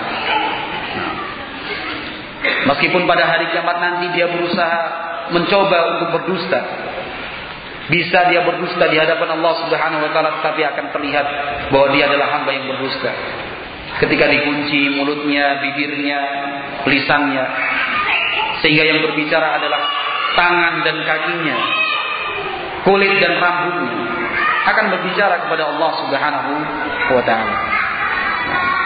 Maka taubat nasuha itu sangat penting sekali selalu diingat bahwa rukun untuk benar-benar bertaubat dari sebuah dosa adalah menyesali dengan hati, selalu beristighfar menggunakan lisan dan tidak mengulangi lagi apa yang telah dia lakukan sebelumnya. Kemudian Al-Imam Abu Hazim rahimahullah taala Al-Imam Abu Hazim rahimahullah taala beliau mengatakan inda تصحيح الضمائر تغفر الكبائر إذا عزم العبد على ترك الآثام أمه الفتوح Al-Imam Abu Hazim rahimahullah ta'ala berpesan untuk kita Pada saat seorang hamba meluruskan Dan mengikhlaskan hati Di dalam bertaubat Maka dosa-dosa besar yang dia lakukan akan diampuni oleh Allah Subhanahu wa taala. Idza azama al-'abdu 'ala tarkil azam kalau seorang hamba telah bertekad bercita-cita kuat untuk meninggalkan dosa dan maksiat ammahul futuh maka kemenangan demi kemenangan nikmat-nikmat dari Allah Subhanahu wa taala akan terus berdatangan untuknya. Akan terus berdatangan untuknya. Seorang hamba misalnya yang telah berusaha, berdagang, berbisnis, ini dan itu. Sekian banyak cara dan langkah telah dia tempuh. Seakan-akan dia menghadapi sebuah dinding yang tebal, sulitnya bukan main menembusnya. Kenapa seperti ini hasilnya tidak begitu menggembirakan, kecil. Maka banyak-banyaklah beristighfar, bertaubat kepada Allah Subhanahu wa taala. Mungkin ada hak-hak orang lain yang belum kita tunaikan. Mungkin banyak kewajiban-kewajiban yang dibebankan Allah Subhanahu wa taala untuk kita belum ditegakkan. Atau mungkin dan mungkin kemungkinan yang lain yang membutuhkan kita untuk segera bertaubat dan beristighfar kepada Allah Subhanahu wa taala. Seorang hamba yang kesulitan di dalam menghafal Al-Qur'an, seorang hamba yang merasa dan mengatakan kesulitan untuk menghafalkan hadis-hadis Rasulullah Shallallahu Alaihi Ustaz saya ini kalau belajar hari ini belum kita berpisah dari majlis saya sudah lupa apa yang Ustaz sampaikan. Apa yang saya baca belum sehari sudah hilang. Bagaimana tidak akan hilang? Bagaimana tidak akan pergi? Kenapa kemudian tidak menetap di dalam hati dan ingatan kita? Setiap ilmu yang kita baca. Jika keadaan kita sehari-hari seperti ini. kita tanpa ada pengingkaran di dalam hati. Tidak disertai kebencian terhadap kemaksiatan-kemaksiatan tersebut. Kita kemudian melakukannya. Menikmati ini lebih cantik daripada yang sama kan begitu meskipun sesuatu yang biasa terjadi akan tetapi ini adalah maksiat yang akan menghalangi seorang hamba dari ilmu karena ilmu adalah cahaya yang diberikan Allah Subhanahu wa taala kepada seorang hamba. Mungkin penyebab kita sulit untuk belajar sulit untuk menimba dan menuntut ilmu karena kesalahan yang kita perbuat sendiri dan sekian banyak hamba yang menginginkan kebaikan tetapi tidak pernah dia mendapatkan. Atau dia tidak pernah menemui dan mencapai kebaikan yang dia inginkan. Sebab karena dosa yang dia lakukan. Kemudian dia tidak segera bertaubat darinya. Waliyahzubillah. Qala Yahya bin Mu'ad rahimahullah. Al-Imam Yahya bin Mu'ad rahimahullah ta'ala. Beliau berkata, "Alladzi hajaban nasa 'anil taubati tulul amal wa alamatu taibi isbalu dam'ah wa hubbul khalwah wal muhasabatu lin nafsi inda kulli hammah." Nasihat ini sangat berharga. Kata salah seorang ulama Yahya bin Mu'ad rahimahullah yang menghalangi kita dari taubat itu karena angan-angan panjang kita sendiri. Nanti, nanti. Besok, besok. Nantilah selepas saya berbuat ini. Nantilah selepas sekolah. Nanti selepas kuliah. Nanti setelah kerja. Ini, ini dan itu. Karena punya puluh amal angan-angan yang panjang akhirnya dia tidak segera bertaubat kepada Allah Subhanahu wa taala. Kata Yahya bin Mu'ad rahimahullah tanda seorang hamba itu benar-benar jujur dalam taubatnya adalah mengalirnya air mata membasahi pipinya. Dia senang menyendiri, menyendiri dalam ibadah, menyendiri untuk mengadukan diri kepada Allah Subhanahu wa taala. Menyendiri dalam rangka Meminta ampun dari Allah Subhanahu wa taala. Itu tanda jujurnya seorang hamba yang ingin bertaubat kepada Allah Subhanahu wa taala. Dia ingin bertaubat tetapi sekalipun dia tidak pernah menangis. sekalipun dia tidak pernah menangis, menangisi kesalahan yang telah dia perbuat. Dia ingin bertaubat tetapi tidak pernah dia bangun di malam hari sendiri. Dia melaksanakan sholat, sholat sunnah, Kemudian setelah itu dengan seorang diri yang ingin berbicara dengan Allah Subhanahu wa taala, meminta ampun dan maaf, maaf darinya. Wal muhasabatu nafsi inda kulli hammah.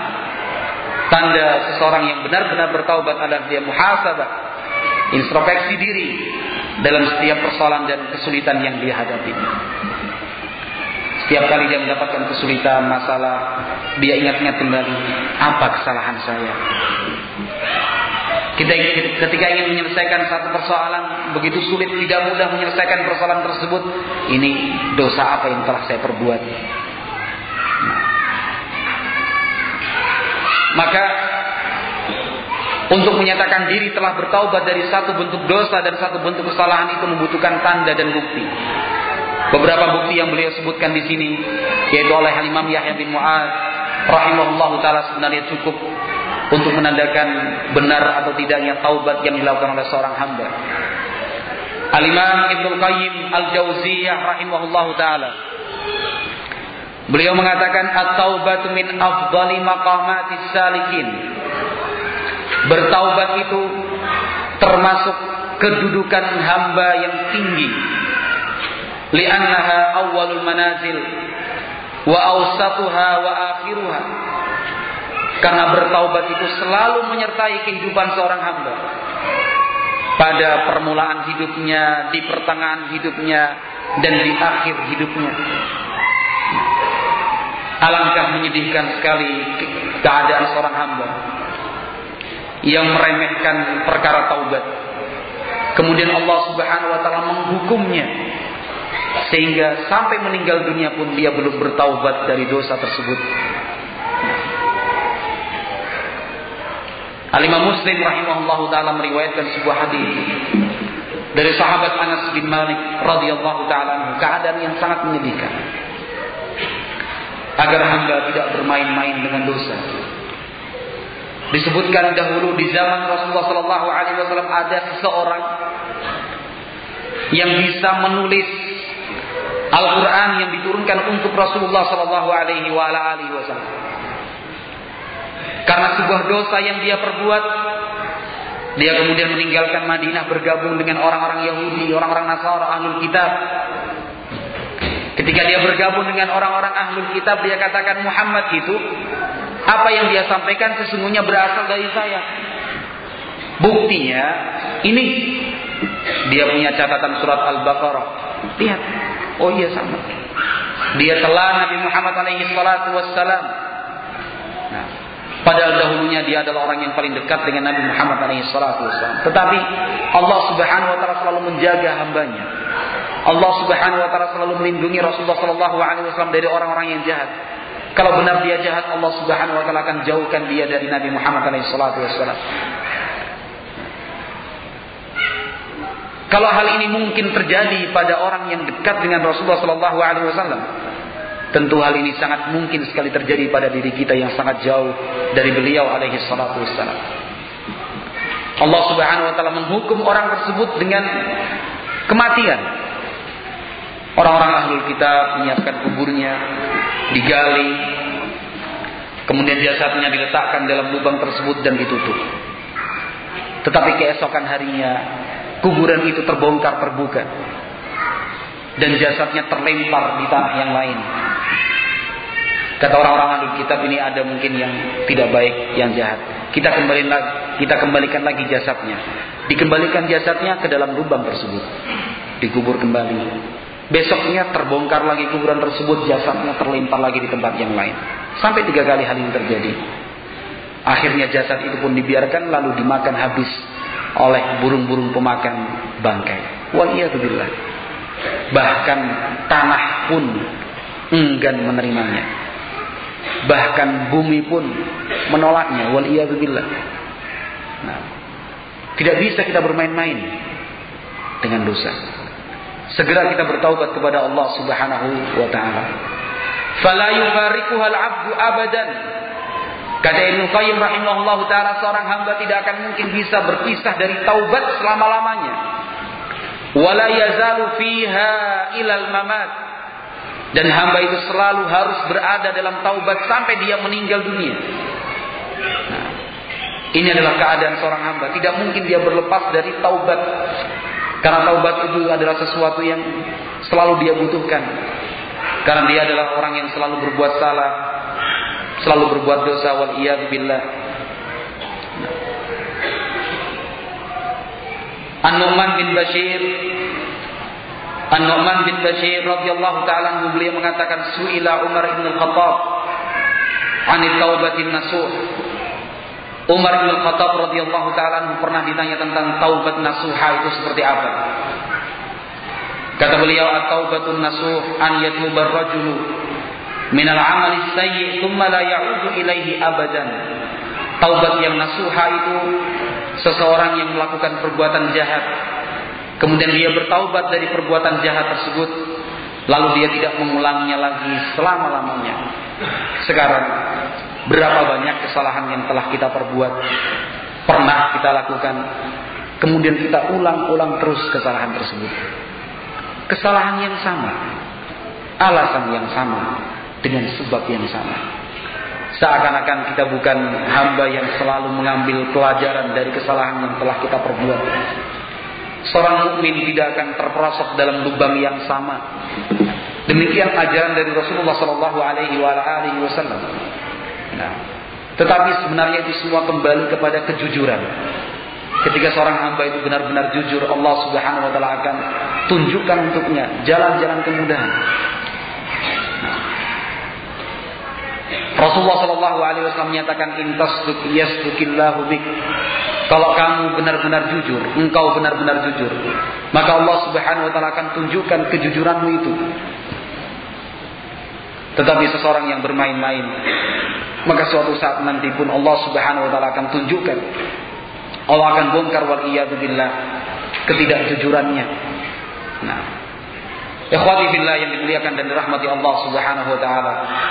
Nah, penjelasan tentang taubat dan nasuh yang disampaikan oleh Umar bin Khattab radhiyallahu taala sama juga dengan keterangan yang disebutkan oleh Ibnu Abbas radhiyallahu taala anhuma Ketika Ibn Abbas radhiyallahu taala menjelaskan tentang bentuk taubatan nasuha, beliau mengatakan alla ya'uda sahibuha lidzalika dzambi alladhi yatubu minhu.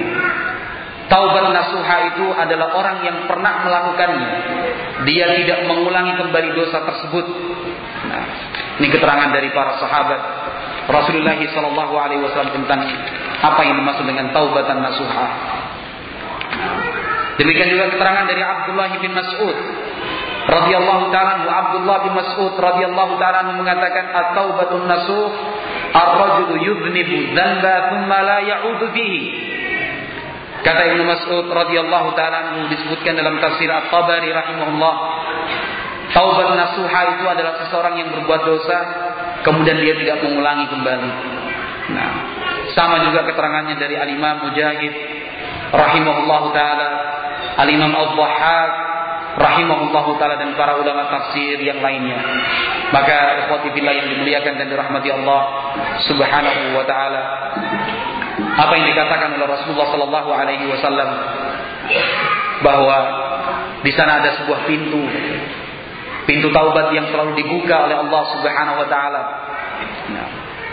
Kepada setiap hamba yang menginginkan kebaikan hendaknya kita yakini kebenarannya kita yakini keberadaannya. Demikian juga hadis Rasulullah Wasallam yang menjelaskan bahwa taubat itu akan selalu diterima oleh Allah Subhanahu Wa Taala selama nyawa belum sampai ke kerongkongan. Nah, kita tentunya tidak menginginkan apabila kematian dan ajal itu telah datang kemudian kita akan beralasan. Maja'ana min basir kita berencana nanti pada hari kiamat kami akan mengatakan belum ada juru pengingat untuk kami. Belum ada orang yang menyampaikan hal-hal seperti ini kepada kami. Padahal Allah Subhanahu wa taala telah mengutus rasulnya alaihi salam. Allah Subhanahu wa taala telah menurunkan Al-Qur'anil Karim. Allah Subhanahu wa taala membangkitkan dan menghidupkan para ulama dalam setiap generasinya untuk mengingatkan kepada seluruh umat. Nah, satu kesalahan yang kita perbuat yang merasakannya bukan hanya kita sendiri. Tetapi dosa dan maksiat yang diperbuat seorang hamba akibatnya pun akan dirasakan oleh orang-orang yang lainnya. Wattaqu fitnatan la tusibanna alladziina zalamu minkum khassah. Hendaknya kalian takut waspada akan fitnah yang tidak hanya menimpa orang-orang yang berbuat zalim di antara kalian secara khusus. Akan tetapi itu semua akan merasakannya. Pernah Az-Zubair bin Al-Awwam radhiyallahu taala anhu memimpin sebuah pasukan kaum muslimin untuk menaklukkan sebuah benteng kokoh milik orang Romawi. Membutuhkan waktu yang sekian lama tidak berhasil tidak berhasil juga benteng itu ditaklukkan oleh pasukan kaum muslimin. Maka Az-Zubair bin Al-Awwam radhiyallahu taala memerintahkan salah seorang kepercayaannya untuk memeriksa ada apa di antara kaum muslimin anggota pasukan perang. Dicari dan dicari dan dicari dan dicari, dapat jawabannya. Disampaikan kepada Az-Zubair bin Awam, radhiyallahu taala. Kata Zubair bin Awam besok pagi siapkan semua pasukan. Karena jawaban mengapa umat Islam belum juga berhasil menaklukkan dan mengalahkan menguasai benteng tersebut telah dipegang oleh Zubair bin Awam radhiyallahu taala. Besok harinya pasukan disiapkan semua. Apa yang dilakukan oleh Zubair bin Awam radhiyallahu taala? Beliau perintahkan beberapa orang dari pasukannya untuk mengumpulkan kain siwak sebanyak-banyaknya. Dipotong semua siwak itu dibagikan kepada setiap anggota pasukan. Bagi. Bersiwaklah. Ternyata ada sunnah Nabi Muhammad SAW yang melupakan. Kata Zubair bin nanti teriakan yang pertama kita maju. Ikuti kalimat takbir yang saya ucapkan Allah Akbar. Sebelumnya orang-orang Romawi di atas benteng lihat ini umat Islam ngapain? Naik kuda semua atau yang berdiri Gerakannya kok sama Lihat. Allah Subhanahu wa taala memberikan melemparkan rasa takut kepada orang-orang kafir satu yang dari benteng ini. Artinya taktik apa lagi nih? Kan. Sudah gentar. Lihat Allah Subhanahu wa taala berikan izzah kemenangan untuk umat Islam dengan cara melaksanakan sunnah Nabi Muhammad SAW yang terlupakan. Sebuah kesalahan sebenarnya. Melupakan sunnah Nabi Muhammad SAW adalah sebuah kesalahan. Tetapi yang paling baik adalah segera sadar dan menyadari kesalahan tersebut kemudian melakukannya. Setelah semuanya bersiwak, Az-Zubair melawam memimpin Allahu Akbar, Allahu Akbar. Dengan sebab ini pasukan Az-Zubair melawam radhiyallahu taala berhasil menaklukkan benteng tersebut. Perkara kecil menggunakan siwak. Bukan perkara yang kecil. Maka jangan anggap kesalahan itu kecil lah. Lah cuma pakai siwak saja kok. Cuma pakai celana sedikit-dikit untuk mata kaki kenapa sih ah? Kan repot sekali ngurusin orang. Ya kita memang hidup ini untuk ngurusi orang. Kalau orang itu termasuk diri sendiri ngurusi orang. Ngurusi orang. Betul ya? Memang orang yang kita urusi. Memangnya kita bukan orang. Kan gitu. Tapi jangan anggap kecil lah, jangan anggap remeh ajaran Islam meskipun itu mungkin kecil, cuma bersiwak. Wah, manjangkan celananya di bawah mata kaki, kan bukan sombong. Nabi saja mengatakan, uh, pinter sekali berdalil. Yang penting kan tidak sombong. Rasulullah Wasallam pernah mengingatkan Abu Bakar As-Siddiq radhiyallahu taala angkat dinaikkan. Karena Abu Bakar As-Siddiq ya Rasulullah saya ini orang yang ahadu syik, uh, syikkotai salah satu pinggangku ini kok uh, tidak seperti orang lain. Jadi kalau di gunung dia turun sendiri sampai kadang-kadang menutup, menutup mata kaki ini gimana? Kata Nabi alaihi salatu wasallam lasta mimman yaf'aluhu khuyala kamu wahai Abu Bakar tidak termasuk orang yang melakukannya karena sombong ya kan Asal nggak sombong nggak apa-apa. Padahal beda antara dia dengan Abu Bakar As-Siddiq radhiyallahu taala. Yang kedua, apa yang dilakukan oleh yang dilakukan oleh Abu Bakar As-Siddiq radhiyallahu taala karena beliau tidak seperti keumuman orang. Keumuman orang pakai sarung diikatkan sudah.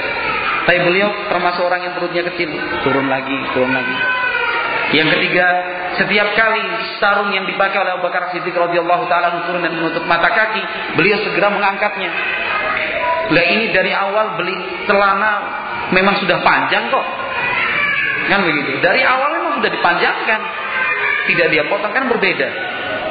Rasulullah Shallallahu Alaihi Wasallam pernah menegur sahabat Abdullah bin Umar radhiyallahu taala ketika beliau melihat Abdullah bin Umar kata Rasulullah Shallallahu Alaihi Wasallam irfa izarak ditinggikan lagi sarungnya.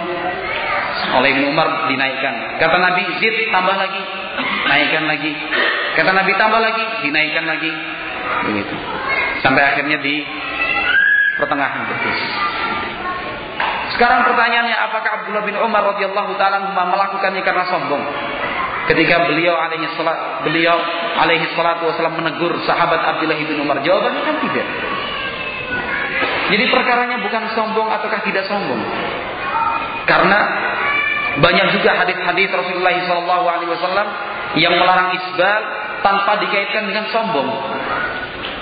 Tanpa dikaitkan dengan sombong. Ketika seorang hamba tidak mau mengangkat dan meninggikan pakaiannya bagi yang laki-laki di atas mata kaki, itu tandanya dia telah sombong menerima kebenaran yang diajarkan dan dibimbingkan oleh Rasulullah Shallallahu Alaihi Wasallam.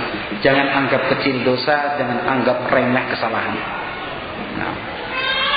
Masyaallah rahimani wa rahimakumullah. Seorang hamba bisa dengan mudah menghindari rintangan-rintangan yang besar. Tidak ada orang kemudian terpleset karena menginjak batu yang besar. Orang terpleset itu karena batu-batu yang kecil seperti itu. Sama halnya ketika kita terjatuh dalam ketika melihat perbuatan dosa-dosa yang besar, insya Allah mudah. Banyak yang bisa meninggalkan ini. Mudah. Tapi hal yang kecil dan remeh seperti itu. Terkadang kita menganggapnya remeh. Padahal kita tidak mengerti hukuman apa yang diberikan Allah Subhanahu wa taala untuk hamba yang meremehkan dosa. Jangan lihat besar kecilnya dosa yang diperbuat, tetapi lihatlah kepada siapa kita berbuat dosa, terhadap siapa kita berbuat salah. Nah, oleh karena itu masyarakat warahimani warahimakumullah, pembahasan ini yaitu taubat mudah-mudahan menjadi pembahasan yang bermanfaat dan semoga Allah Subhanahu wa taala memberikan taufik dan hidayahnya untuk kita semua agar menjadi hamba yang at-tawwabun, hamba yang senang bertaubat kepada Allah Subhanahu wa taala. 70 kali minimalnya. Dalam sehari dan semalam kita mengucapkan astagfirullah wa atubu ilaih. Nah, demikian juga setiap kali kita selesai melaksanakan sholat di pagi dan di petang hari kita tidak lupa untuk memohon ampun dari Allah Subhanahu wa taala di malam hari sebelum kita tidur dan ketika bangun dari tidur kita pun meminta kepada Allah Subhanahu wa taala agar kita dibersihkan dari dosa. Nah, agar kita dibersihkan dari dosa wallahu taala alam bisawab. Mungkin hanya ini yang bisa saya sampaikan dan semoga Allah Subhanahu wa taala memberikan manfaat dan berkahnya untuk kita bersama. Walhamdulillahirabbil alamin.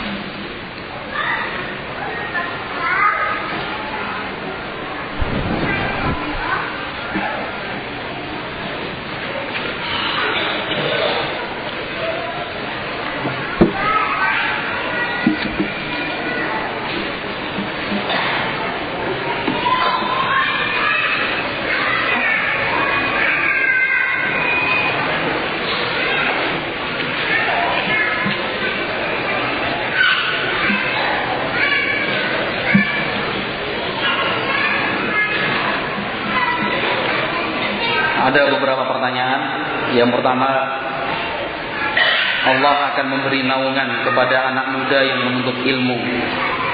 Apakah ini benar? Apa dalilnya sampai usia berapakah masa muda tersebut? Wallahu alam bisawab yang saya ketahui naungan atau pertolongan dari Allah Subhanahu wa taala itu diberikan bagi orang-orang yang menuntut ilmu di jalan Allah Subhanahu wa taala serta orang yang berjihad di jalan Allah Subhanahu wa taala.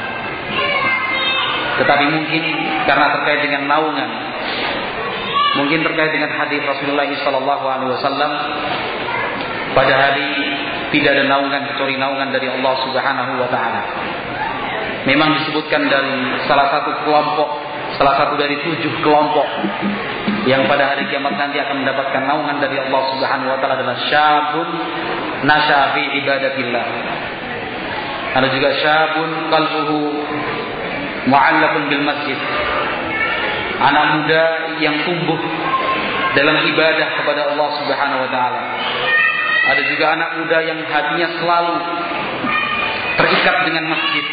Nah, hadis Abi Hurairah muttafaqun alaih.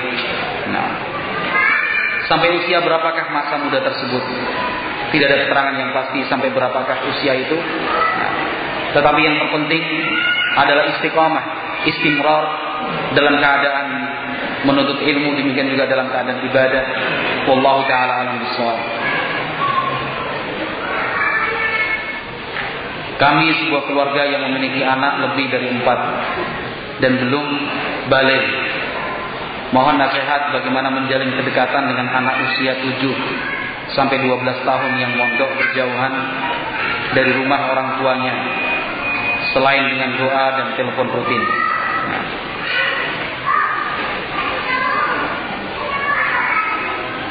Setiap anak membutuhkan perhatian dari orang tuanya. Maka apa pun bentuknya, selama hal itu dinilai dan dianggap sebagai bentuk perhatian dari orang tua hendaknya dilakukan. Nah, misalnya berkirim surat. Kalau tadi dikatakan selain dengan doa dan telepon rutin, menulis surat kebiasaan yang sekarang mulai dilupakan karena sudah ada HP. Ngapain nulis surat? HP aja cukup. Ngapain nulis surat lewat pos? Chatting nama email aja bisa. Kan begitu. Padahal ada satu nilai lebih, bahkan banyak nilai lebih yang tidak ditemukan pada selain surat. Pada selain surat. Banyak hal nilai perhatiannya tentu berbeda antara dengan SMS uh, eh, atau telepon maaf tolong sampaikan ke anak saya saya rindu ini dengan surat datang tulisan tangan dari ibunya, tulisan tangan dari ayahnya, hanya untuk menanyakan kabarnya, nak gimana kabarnya. Ini penting, bisa dicoba insya Allah untuk anak, karena kita pun pernah menjadi anak-anak. Iya kan? Kita pun pernah menjadi anak-anak. Betapa bangga dan bahagianya ketika kita bisa mengoleksi surat-surat dari ibu. Saya sampai sekarang masih punya koleksi surat-surat dari ibu saya. Sampai hari ini. Alhamdulillah, numpuk. Sebagaimana ibu saya juga punya koleksi surat-surat dari yang saya pernah tulis. Dulu waktu saya masih di Yaman, ibu kalau sudah mulai rindu, tumpukan surat yang pernah saya tulis dari saya masih kelas uh, masih umur 11 tahun bahkan umur 7 tahun sudah berpisah dengan orang tua itu masih jadi suratnya lucu-lucu suratnya. Gitu, suratnya lucu. Ibu minta ini minta itu. Jadi kadang-kadang ibu kalau kita pulang ke rumah nih lihat surat mobil waktu SD lihat surat waduh malu sekali Alhamdulillah itu masih saya simpan. Jadi uh, tips ini bukan tips yang dibuat-buat tapi syai'un mujarrab sesuatu yang sudah terbukti. Nah, sesuatu yang sudah terbukti. Bahkan saya pernah kirim surat untuk ibu saya kurang lebih 100 halaman juga. Bayangkan. Mau coba? Nggak mau. Sampai 100 halaman pernah saya tulis. Itu penting. Cara yang kedua yang sering sekali sering sekali apa namanya terlupakan itu mem memberi kiriman untuk anak tetapi hasil karya orang tua sendiri. Orang zaman sekarang pengen kirim, oh nanti saya titip anak saya pergi ke toko maret-maret itu kan banyak maret-maret sekarang. Banyak maret-maret masuk beli biskuit ini biskuit itu bungkus minuman set bagi anak, iya benar merasa diperhatikan orang tua. Tapi tidak ada nilai lebih buatan pabrik. Iya kan? Apa yang bisa dia banggakan kepada teman-temannya? Lihat loh ini, ini minuman ini dikirim oleh abiku sama umiku. Temannya, ah, di sini aja ada kok. Kan. Tapi coba seorang ibu meluangkan waktunya membuatkan kue kering, kan gitu masya Allah ya. Kue kering, kue basah, atau ibunya kalau nggak bisa masak buat kue ya belajar masak belajar buat kue. Dibuatkan kue kering dituliskan namanya. Pakai pasta itu loh. Gitu. Untuk anakku yang tercinta kan gitu. Bejo bin Supriyono misalnya kan gitu Bejo bin Supriyono sudah Antum bayangkan sekarang semua yang ada di sini bayangkan kalau kita yang menjadi anak-anak yang mendapatkan kiriman seperti itu bangga apa enggak? Bangganya bukan lain, dibuka, wah dapat kiriman dari abimu. Jangan-jangan aku wah. Dibuka roti, uh, bilang teman lihat ini roti, roti, Kan itu bahkan nggak mau dia makan dilihatin. Sungguh, ini banyak yang yang apa sesuatu yang sering terlupakan seperti ini. Pokoknya mengirim sesuatu yang serba instan, serba jadi. Serba instan, ser, serba jadi. pengen beliin apa uh, pakaian pakaianku udah robek kemarin pas main bola kena kawat oh tanya ukurannya berapa nak ukurannya sekian cari sana cari sini kirimkan sesuatu yang biasa dikerjakan tapi kalau pertanyaannya tadi, cara apa selain tadi, selain hal-hal ini untuk bisa lebih mengikat kedekatan? Buat pakaian sendiri kan begitu. Saya pun pernah mengalaminya karena ibu saya seorang penjahit. Eh, iya, kalau ibunya penjahit bisa Ustaz, ibu saya bukan penjahit kok.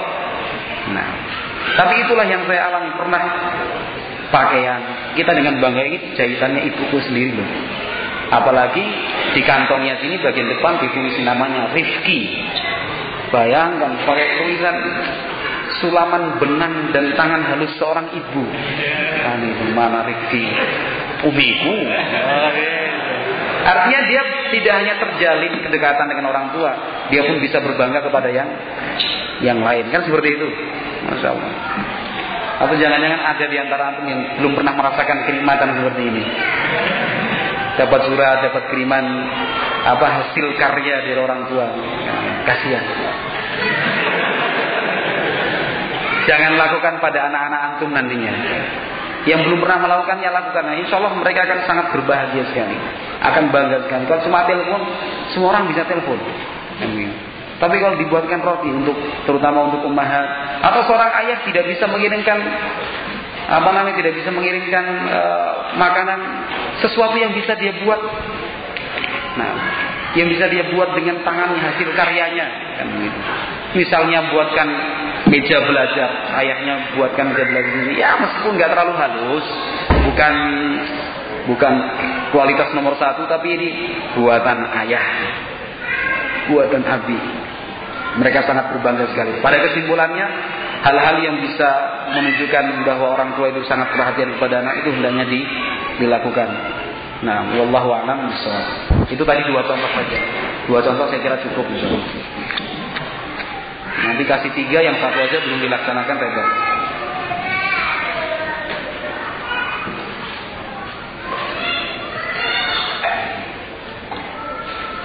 Apa ciri-ciri taubat yang diterima?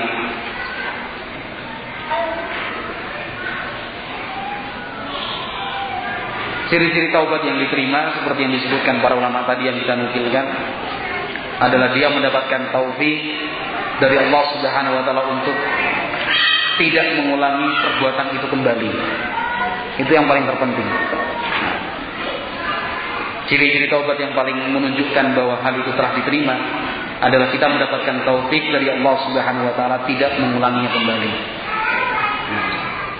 Jika dengan mudahnya kita mengulangi kembali kesalahan dan dosa tersebut artinya ada sesuatu yang tidak benar pada taubat yang kita lakukan nah, maka syarat-syarat taubat tadi hendaknya segera di diulangi kembali diingat kembali tetapi yang paling terpenting adalah faktor dari luar lingkungan misalnya nah, Lingkungan sangat menentukan sekali. Kita pengennya baik, tapi teman-teman kanan dan kiri kita tidak baik. Kita inginnya bertaubat, tetapi sarana fasilitas itu selalu ada di depan mata kita. Maka, nah, cara yang terbaik kalau sudah sampai dalam keadaan seperti itu ingat kembali lima pertanyaan yang saya sebutkan tadi. Atau ingat salah satunya saja lah. Kalau tidak bisa mengingat kelima-limanya, nah mungkin cepat hilang hafalannya mungkin. Kalau ngafal ini kalau ngafal rute bis dari sini sampai pulang kampungnya hafal sekali. Nama jalan-jalan di kota Bandung hafal. Ahmad Yani oh sebelah sana. Panjaitan oh itu sebelah sini. Tapi yang paling terpenting tadi ingatlah salah satu dari lima pertanyaan. tersebut. Apa yang mesti kita lakukan bila kita sering berulang-ulang berbuat dosa lalu taubat dan berulang-ulang lagi? Bagaimana agar kita bisa bertaubat nasuhan? Itu tadi telah kita jelaskan alhamdulillah. Taubat nasuh. Syarat-syaratnya telah disebutkan di depan tadi. Adapun ketika hal itu terjadi berulang-ulang, asalkan dia terus bertaubat kepada Allah Subhanahu wa taala didasarkan keikhlasan dan kesungguhan serta kejujuran, Allah Subhanahu wa taala pasti akan menerimanya. Apakah bisa seseorang taubat dari kesalahan-kesalahan yang sudah merupakan tabiatnya, misal pemarah, pelupa, ceroboh dan lain-lain, sehingga sering kali terulang padahal sudah niat taubat dan selalu istighfar setiap setiap sifat jeleknya muncul. Yang kedua, bagaimana kalau kita pernah memakai barang tanpa izin yang punya atau meminjam barang tapi setelah lama dan mau minta ridho orangnya atau mau mengembalikan orangnya sudah sulit ditemui entah ada di mana. Yang pertama tadi, nah, pertanyaan apakah bisa seorang bertaubat? Tentu bisa. Nah, kalau pertanyaannya apakah bisa seorang bertaubat dari kesalahan-kesalahan yang seperti ini? Bisa sangat bisa sekali. Nah, yang perlu diingat ikhwati fillah rahimani wa rahimahullah terkait dengan pertanyaan pertama. Uh, husnul khuluq, akhlak yang baik itu ada syai'un tabi'i, ada syai'un muktasab. Ada akhlak baik yang memang tabiat orang itu memilikinya. Senang membantu, senang memberi, senang senyum. Memang dia dari kecil memang orangnya dikenal murah senyum. Ini syai' tabi'i. Ketika dia belajar agama, bahwa senang senyum kepada saudaranya adalah sodako, senyum kepada, saudaranya adalah sodako adalah ibadah. Nah, dia semakin perbaiki lagi maka itu bukan hanya kebiasaan dan tabiat dia dari kecil yang senang dan senyum e, murah senyum, tetapi dia niatkan itu sebagai ibadah amalan soleh, bermakna. Di sana juga ada syai'un muktasab, sesuatu yang harus dicari dan diusahakan. Memang wajahnya orang lihatnya kok wajah ini kok cemberut padahal nggak cemberut itu. Gitu. Orang ini kok marah terus sedih. Ya memang bentuk lekuk dan raut wajahnya seperti lekuk raut wajah orang yang sedang marah dan sedih. Tetapi itu bisa diusahakan dengan senyum meskipun kelihatan kok kepaksa senyumnya. Itu bukan urusan kita, asal kita sebagai pelakunya telah telah berusaha terpaksa ini. Tidak seperti itu. Nah, orang yang pemarah tadi seperti yang disebutkan, misalnya pemarah. Nah, ketika seseorang punya sifat pemarah, gampang emosi, cepat marah, bukan berarti sebagai pembenaran ini sudah tabiatnya Ustaz nggak bisa dirubah. Bisa dirubah. Bisa dirubah. Sekian banyak contoh para sahabat Rasulullah Shallallahu Alaihi Wasallam yang punya sifat dan perangai buruk pada masa-masa jahiliyah. Apakah mereka bisa merubahnya? Bisa. Hanya tadi memang syai'un muktasab. Muktasab itu sesuatu yang harus diusahakan, diperjuangkan. Nah, pelupa. Pelupa misalnya sedikit-sedikit lupa, dikit-dikit lupa. Sebenarnya banyak cara terapi misalnya kalau ada sesuatu yang penting dicatat, ditulis, masukkan di sini. Lah cara-cara seperti ini tidak mau ditempuh ya akhirnya pelupa terus. Pelupa terus. Cuman salah satu cara seperti itu. Pelupa ya? Iya pelupa. Ya sudah hal-hal yang penting yang tidak ingin terlupa dicatat di kertas simpan di kantongnya. Dikit-dikit lihat, dikit-dikit lihat. Secara tidak langsung dia telah dilatih untuk tidak lupa kalau di kantongnya ada catatan. Iya, efeknya bagus sekali, positif sekali. Dikit-dikit, oh iya, lihat catatan dulu. Oh iya benar, catat dulu. Oh iya benar. Tidak semata-mata yang tertulis, tetapi aktivitas dia untuk melihat catatan itu sudah melatih dia untuk mengingat terus, mengingat terus, mengingat terus. Kan? Jangan, ah, saya ini pelupa Pak Ustaz. Tetapi tidak ada usaha, jangan. Yang kedua, pernah memakai barang tanpa izin yang punya atau meminjam barang, tapi setelah lama dan mau minta ridho orangnya atau mau mengembalikan orangnya sudah sudah ditemui entah ada di mana ya La yukallifullahu nafsan illa usaha. Lawang sadarnya juga setelah orangnya nggak ada. Kan sudah di luar batas kemampuan kita. Mau dicari juga tidak. Nah, harus dicari meskipun ke ujung dunia. Itu namanya mem memberatkan kan begitu namanya. Kita benar-benar bertaubat. Nah, wallahu a'lam.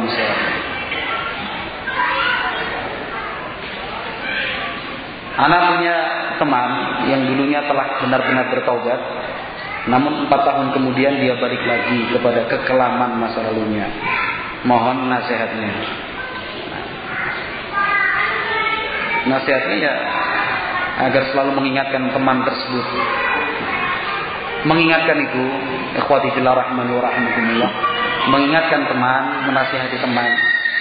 Itu e, tidak selalu dilakukan dalam bentuk kalimat-kalimat langsung kamu ini buaya tobat. Tidak selalu dengan kata-kata seperti itu. Tidak mesti to the point kata orang. Kamu ini dulu kan pernah taubat maka sekarang kayak gini. Kamu ke mana? Tidak mesti dengan cara seperti itu. Cara yang paling termudah dan termudah untuk kita lakukan dan termudah bagi dia untuk menerimanya adalah dengan menjalin hubungan atau komunikasi terlebih dahulu. Kita punya teman, kita punya teman sekian lama dia bertobat setelah dia kembali lagi. Seringnya yang dilakukan adalah justru malah dijauhi dan ditinggalkan kan begitu. Allah si fulan tuh nggak bener tobatnya.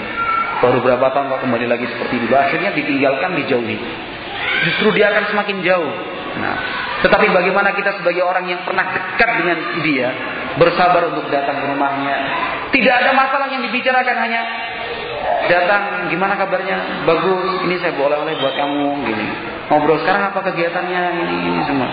Udah ya cuma rindu aja sih sama kamu sama sama antum ini. Terus udah bisa minta nomor HP-nya ya tidak pergi. Artinya berpisah yang kedua begitu lagi. Jadi tidak ada pembicaraan tentang kamu begini, kamu begitu tidak. Tetapi kita berusaha membangkitkan memori dia, kenangan dia, bahwasanya dia pernah begini dan pernah begitu. Pernah bersama dengan kita. Ayo, tajak apa namanya? Uh, makan ya. Makan di mana? Ada rumah makan enak sekali. Dicarikan rumah makan yang dekat tempat masjid yang biasa dipakai taklim dulu. Pas warung soto di depan masjid yang biasa dan rutin digunakan taklim sampai zaman dulu. Tanpa kita bilang itu dulu tempat taklim kita kan. Biarkan dia sendiri yang begini. Itu uh, seringnya orang tersinggung itu karena kita menasihatinya secara langsung. Antum ini kok seperti ini sih sekarang. Kita butuh butuh pendekatan dan pendekatan Allah. Lebih utama mana? Sabar untuk tidak melakukan maksiat atau sabar dalam menjalankan ibadah? Yang lebih berat itu lebih utama. Yang lebih berat adalah lebih utama. Tetapi wallahu alam bisawab masing-masing tergantung kondisinya. Meskipun secara umum bersabar untuk melaksanakan ibadah itu lebih berat. Nah, melaksanakan ibadah itu lebih berat wallahu alam tergantung kondisinya nanti karena per kasus berbeda. Mohon beritahukan kiat-kiat agar kita tidak terjerumus lagi kepada dosa-dosa yang telah dilakukannya. Sementara ajakan atau pengaruh buruk untuk berbuat maksiat begitu banyak. Nah, memang seperti yang saya sebutkan tadi faktor terbesar kita sulit untuk bertaubat. Dan faktor terbesar kita kembali lagi pada kesalahan yang telah kita bertaubat darinya adalah pengaruh dari luar. Teman dan fasilitas-fasilitas yang ada. Itu yang paling berat. Maka yang terbaik adalah menjauhi fasilitas-fasilitas itu yang akan menjerumuskan kembali kepada kesalahan yang sama serta menjauhi teman-teman yang sangat memungkinkan sekali yang sangat memungkinkan sekali untuk terjerumus dalam perbuatan yang sama. Saya punya sebuah seorang kenalan teman saya punya seorang kenalan seorang teman. Masya Allah. Allah subhanahu wa ta'ala tolong dia walhamdulillah. Dia orang Sulawesi. Di kampungnya teman-temannya teman-teman yang jelek semua. Karena dulu memang masa mudanya dia juga bersama dengan mereka. Allah berikan rezeki untuknya jadi orang kaya sering didatangin temannya dimintai uangnya mau ditolakkan juga sulit teman-teman sendiri untuk acara ini untuk acara ini makan-makan minum-minum besok acara malam mingguan Padahal dia punya keinginan baik. Apa yang dia lakukan? Dia tinggalkan kampung halaman yang Sulawesi itu. Dia jual barang-barangnya. Kemudian dia pindah di Jawa. Walhamdulillah. Di Jawa Timur tepatnya. Bukan di sini. nggak ada orangnya. Cara yang terbaik. Setelah itu dia tenang. Karena teman-teman gurunya yang biasa di sekeliling dia sudah berpisah. Tanya kenapa? E, mau ke mana pindah? Ya pindah cari suasana baru. Terus saya dia sudah memutuskan diri dari tali-tali yang biasa mengekang dia alhamdulillah cuman uh, apa namanya adakah kita punya keberanian seperti sang kawan kita ini? Hmm. berani nggak seperti dia ini? Sudah betul-betul tinggalkan. Cari tempat yang lain. Bagaimana solusi untuk menghilangkan kebiasaan onani pada remaja? Dan apa hukum onani sendiri? Hukum onani disebutkan para ulama termasuk kegiatan yang diharamkan dan dilarang. Diharamkan dan dilarang. Alhamdulillah para ulama telah menulis dalam sebuah risalah beberapa risalah Demikian juga fatwa-fatwa ulama menjelaskan bahwa onani adalah sesuatu yang diharamkan. Solusi untuk menghilangkannya adalah menghindari dan menjauhkan dari sebab-sebab yang mendorong si pelakunya untuk melakukannya. Nah, bagaimana dia berusaha untuk menghilangkan sementara faktor-faktor pendorong yang tidak dia hilangkan? Kan Kemudian yang berikutnya dia perbanyak aktivitas. Aktivitas yang sifatnya bersama, bukan aktivitas yang sifatnya sendiri. Kegiatan seperti ini pada kenyataan dan pada prakteknya pada kenyataan dan pada prakteknya terjadi dan dilakukan ketika dia dalam keadaan sendiri. Maka usahakan jangan sendiri pokoknya. Ngekos jangan sendiri. Ngekos jangan sendiri. Repot. Kalau sudah ngekos sendiri tutup pintu, tutup jendela, tidur. Iya kan? Tidur. Kalau ngekos sendiri, apa yang kita perbuat sudah terserah. Jadi apa kamar-kamar mini kita sendiri? Begitu. Kamar-kamar milik kita sendiri. Alhamdulillah. Artinya disibukkan dengan kegiatan-kegiatan yang yang lain. Kalau bisa sibukkan semua, pulang kos-kosan, pulang ke rumah sudah capek tidur. Sudah. Sudah nggak mikir apa-apa. Besok bangun. Kok terus?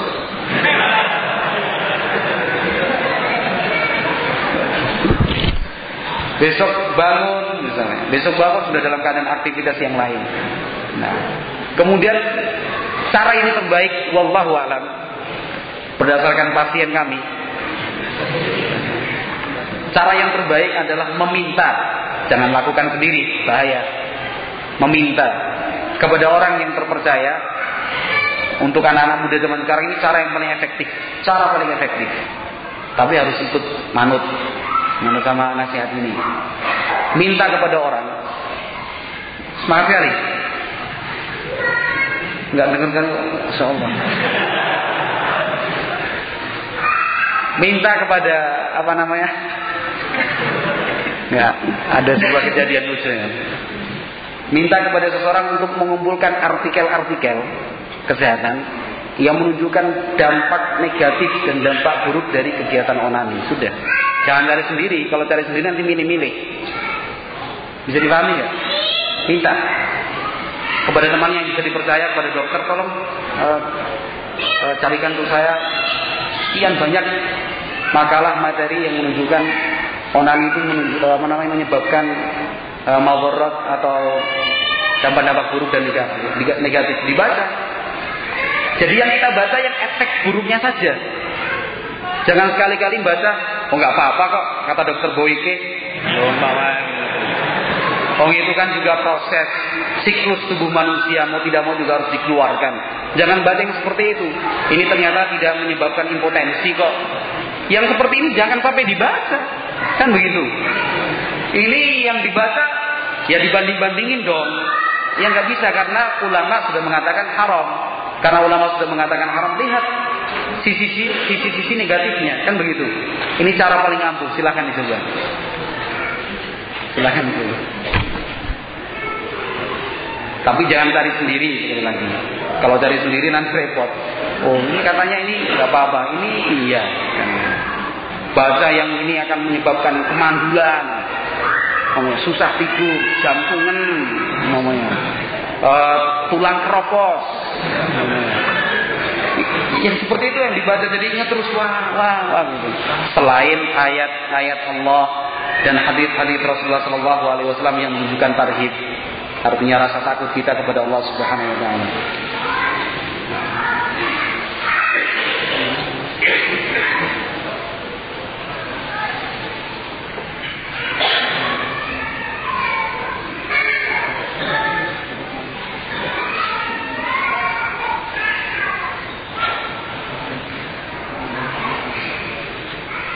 Seringkali kalau kita keluar dari rumah banyak godaan-godaan yang kita jumpai seperti melihat wanita yang bukan mahram, apalagi di daerah Bandung ini.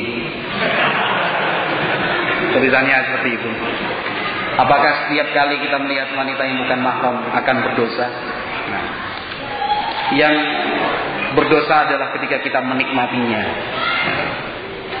Menikmatinya, kemudian tidak mengingkarinya. Mengingkarinya dalam hati. Adapun sesuatu yang kita sendiri sulit untuk menghindarinya dan itu memang dalam praktek kesehariannya sulit. Nah, karena kanan, kiri, depan, belakang, atas, bawah pun sama yang dilihat. Kan. Maka yang paling terpenting adalah kita mengingkari bahwasanya hal-hal seperti itu adalah yang mungkar. Yang kedua kita berusaha sekuat tenaga untuk tidak menikmatinya segera menundukkan pandangan dan segala macamnya. Kemudian yang kedua adalah memperbanyak istighfar dan taubat kepada Allah Subhanahu wa taala.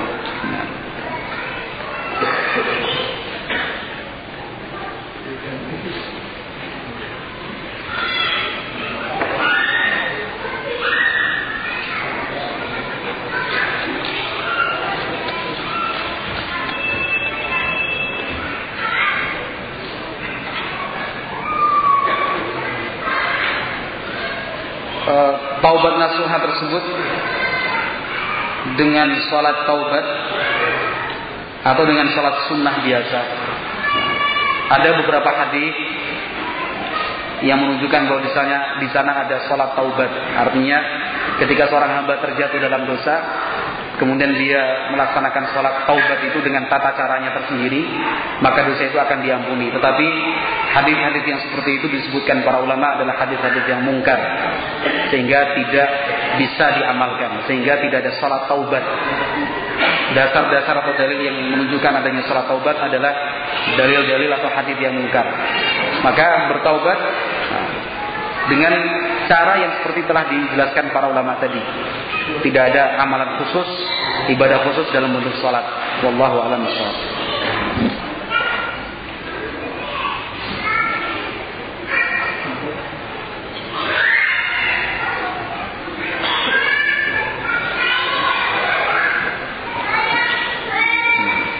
Wallahu a'lam bishawab.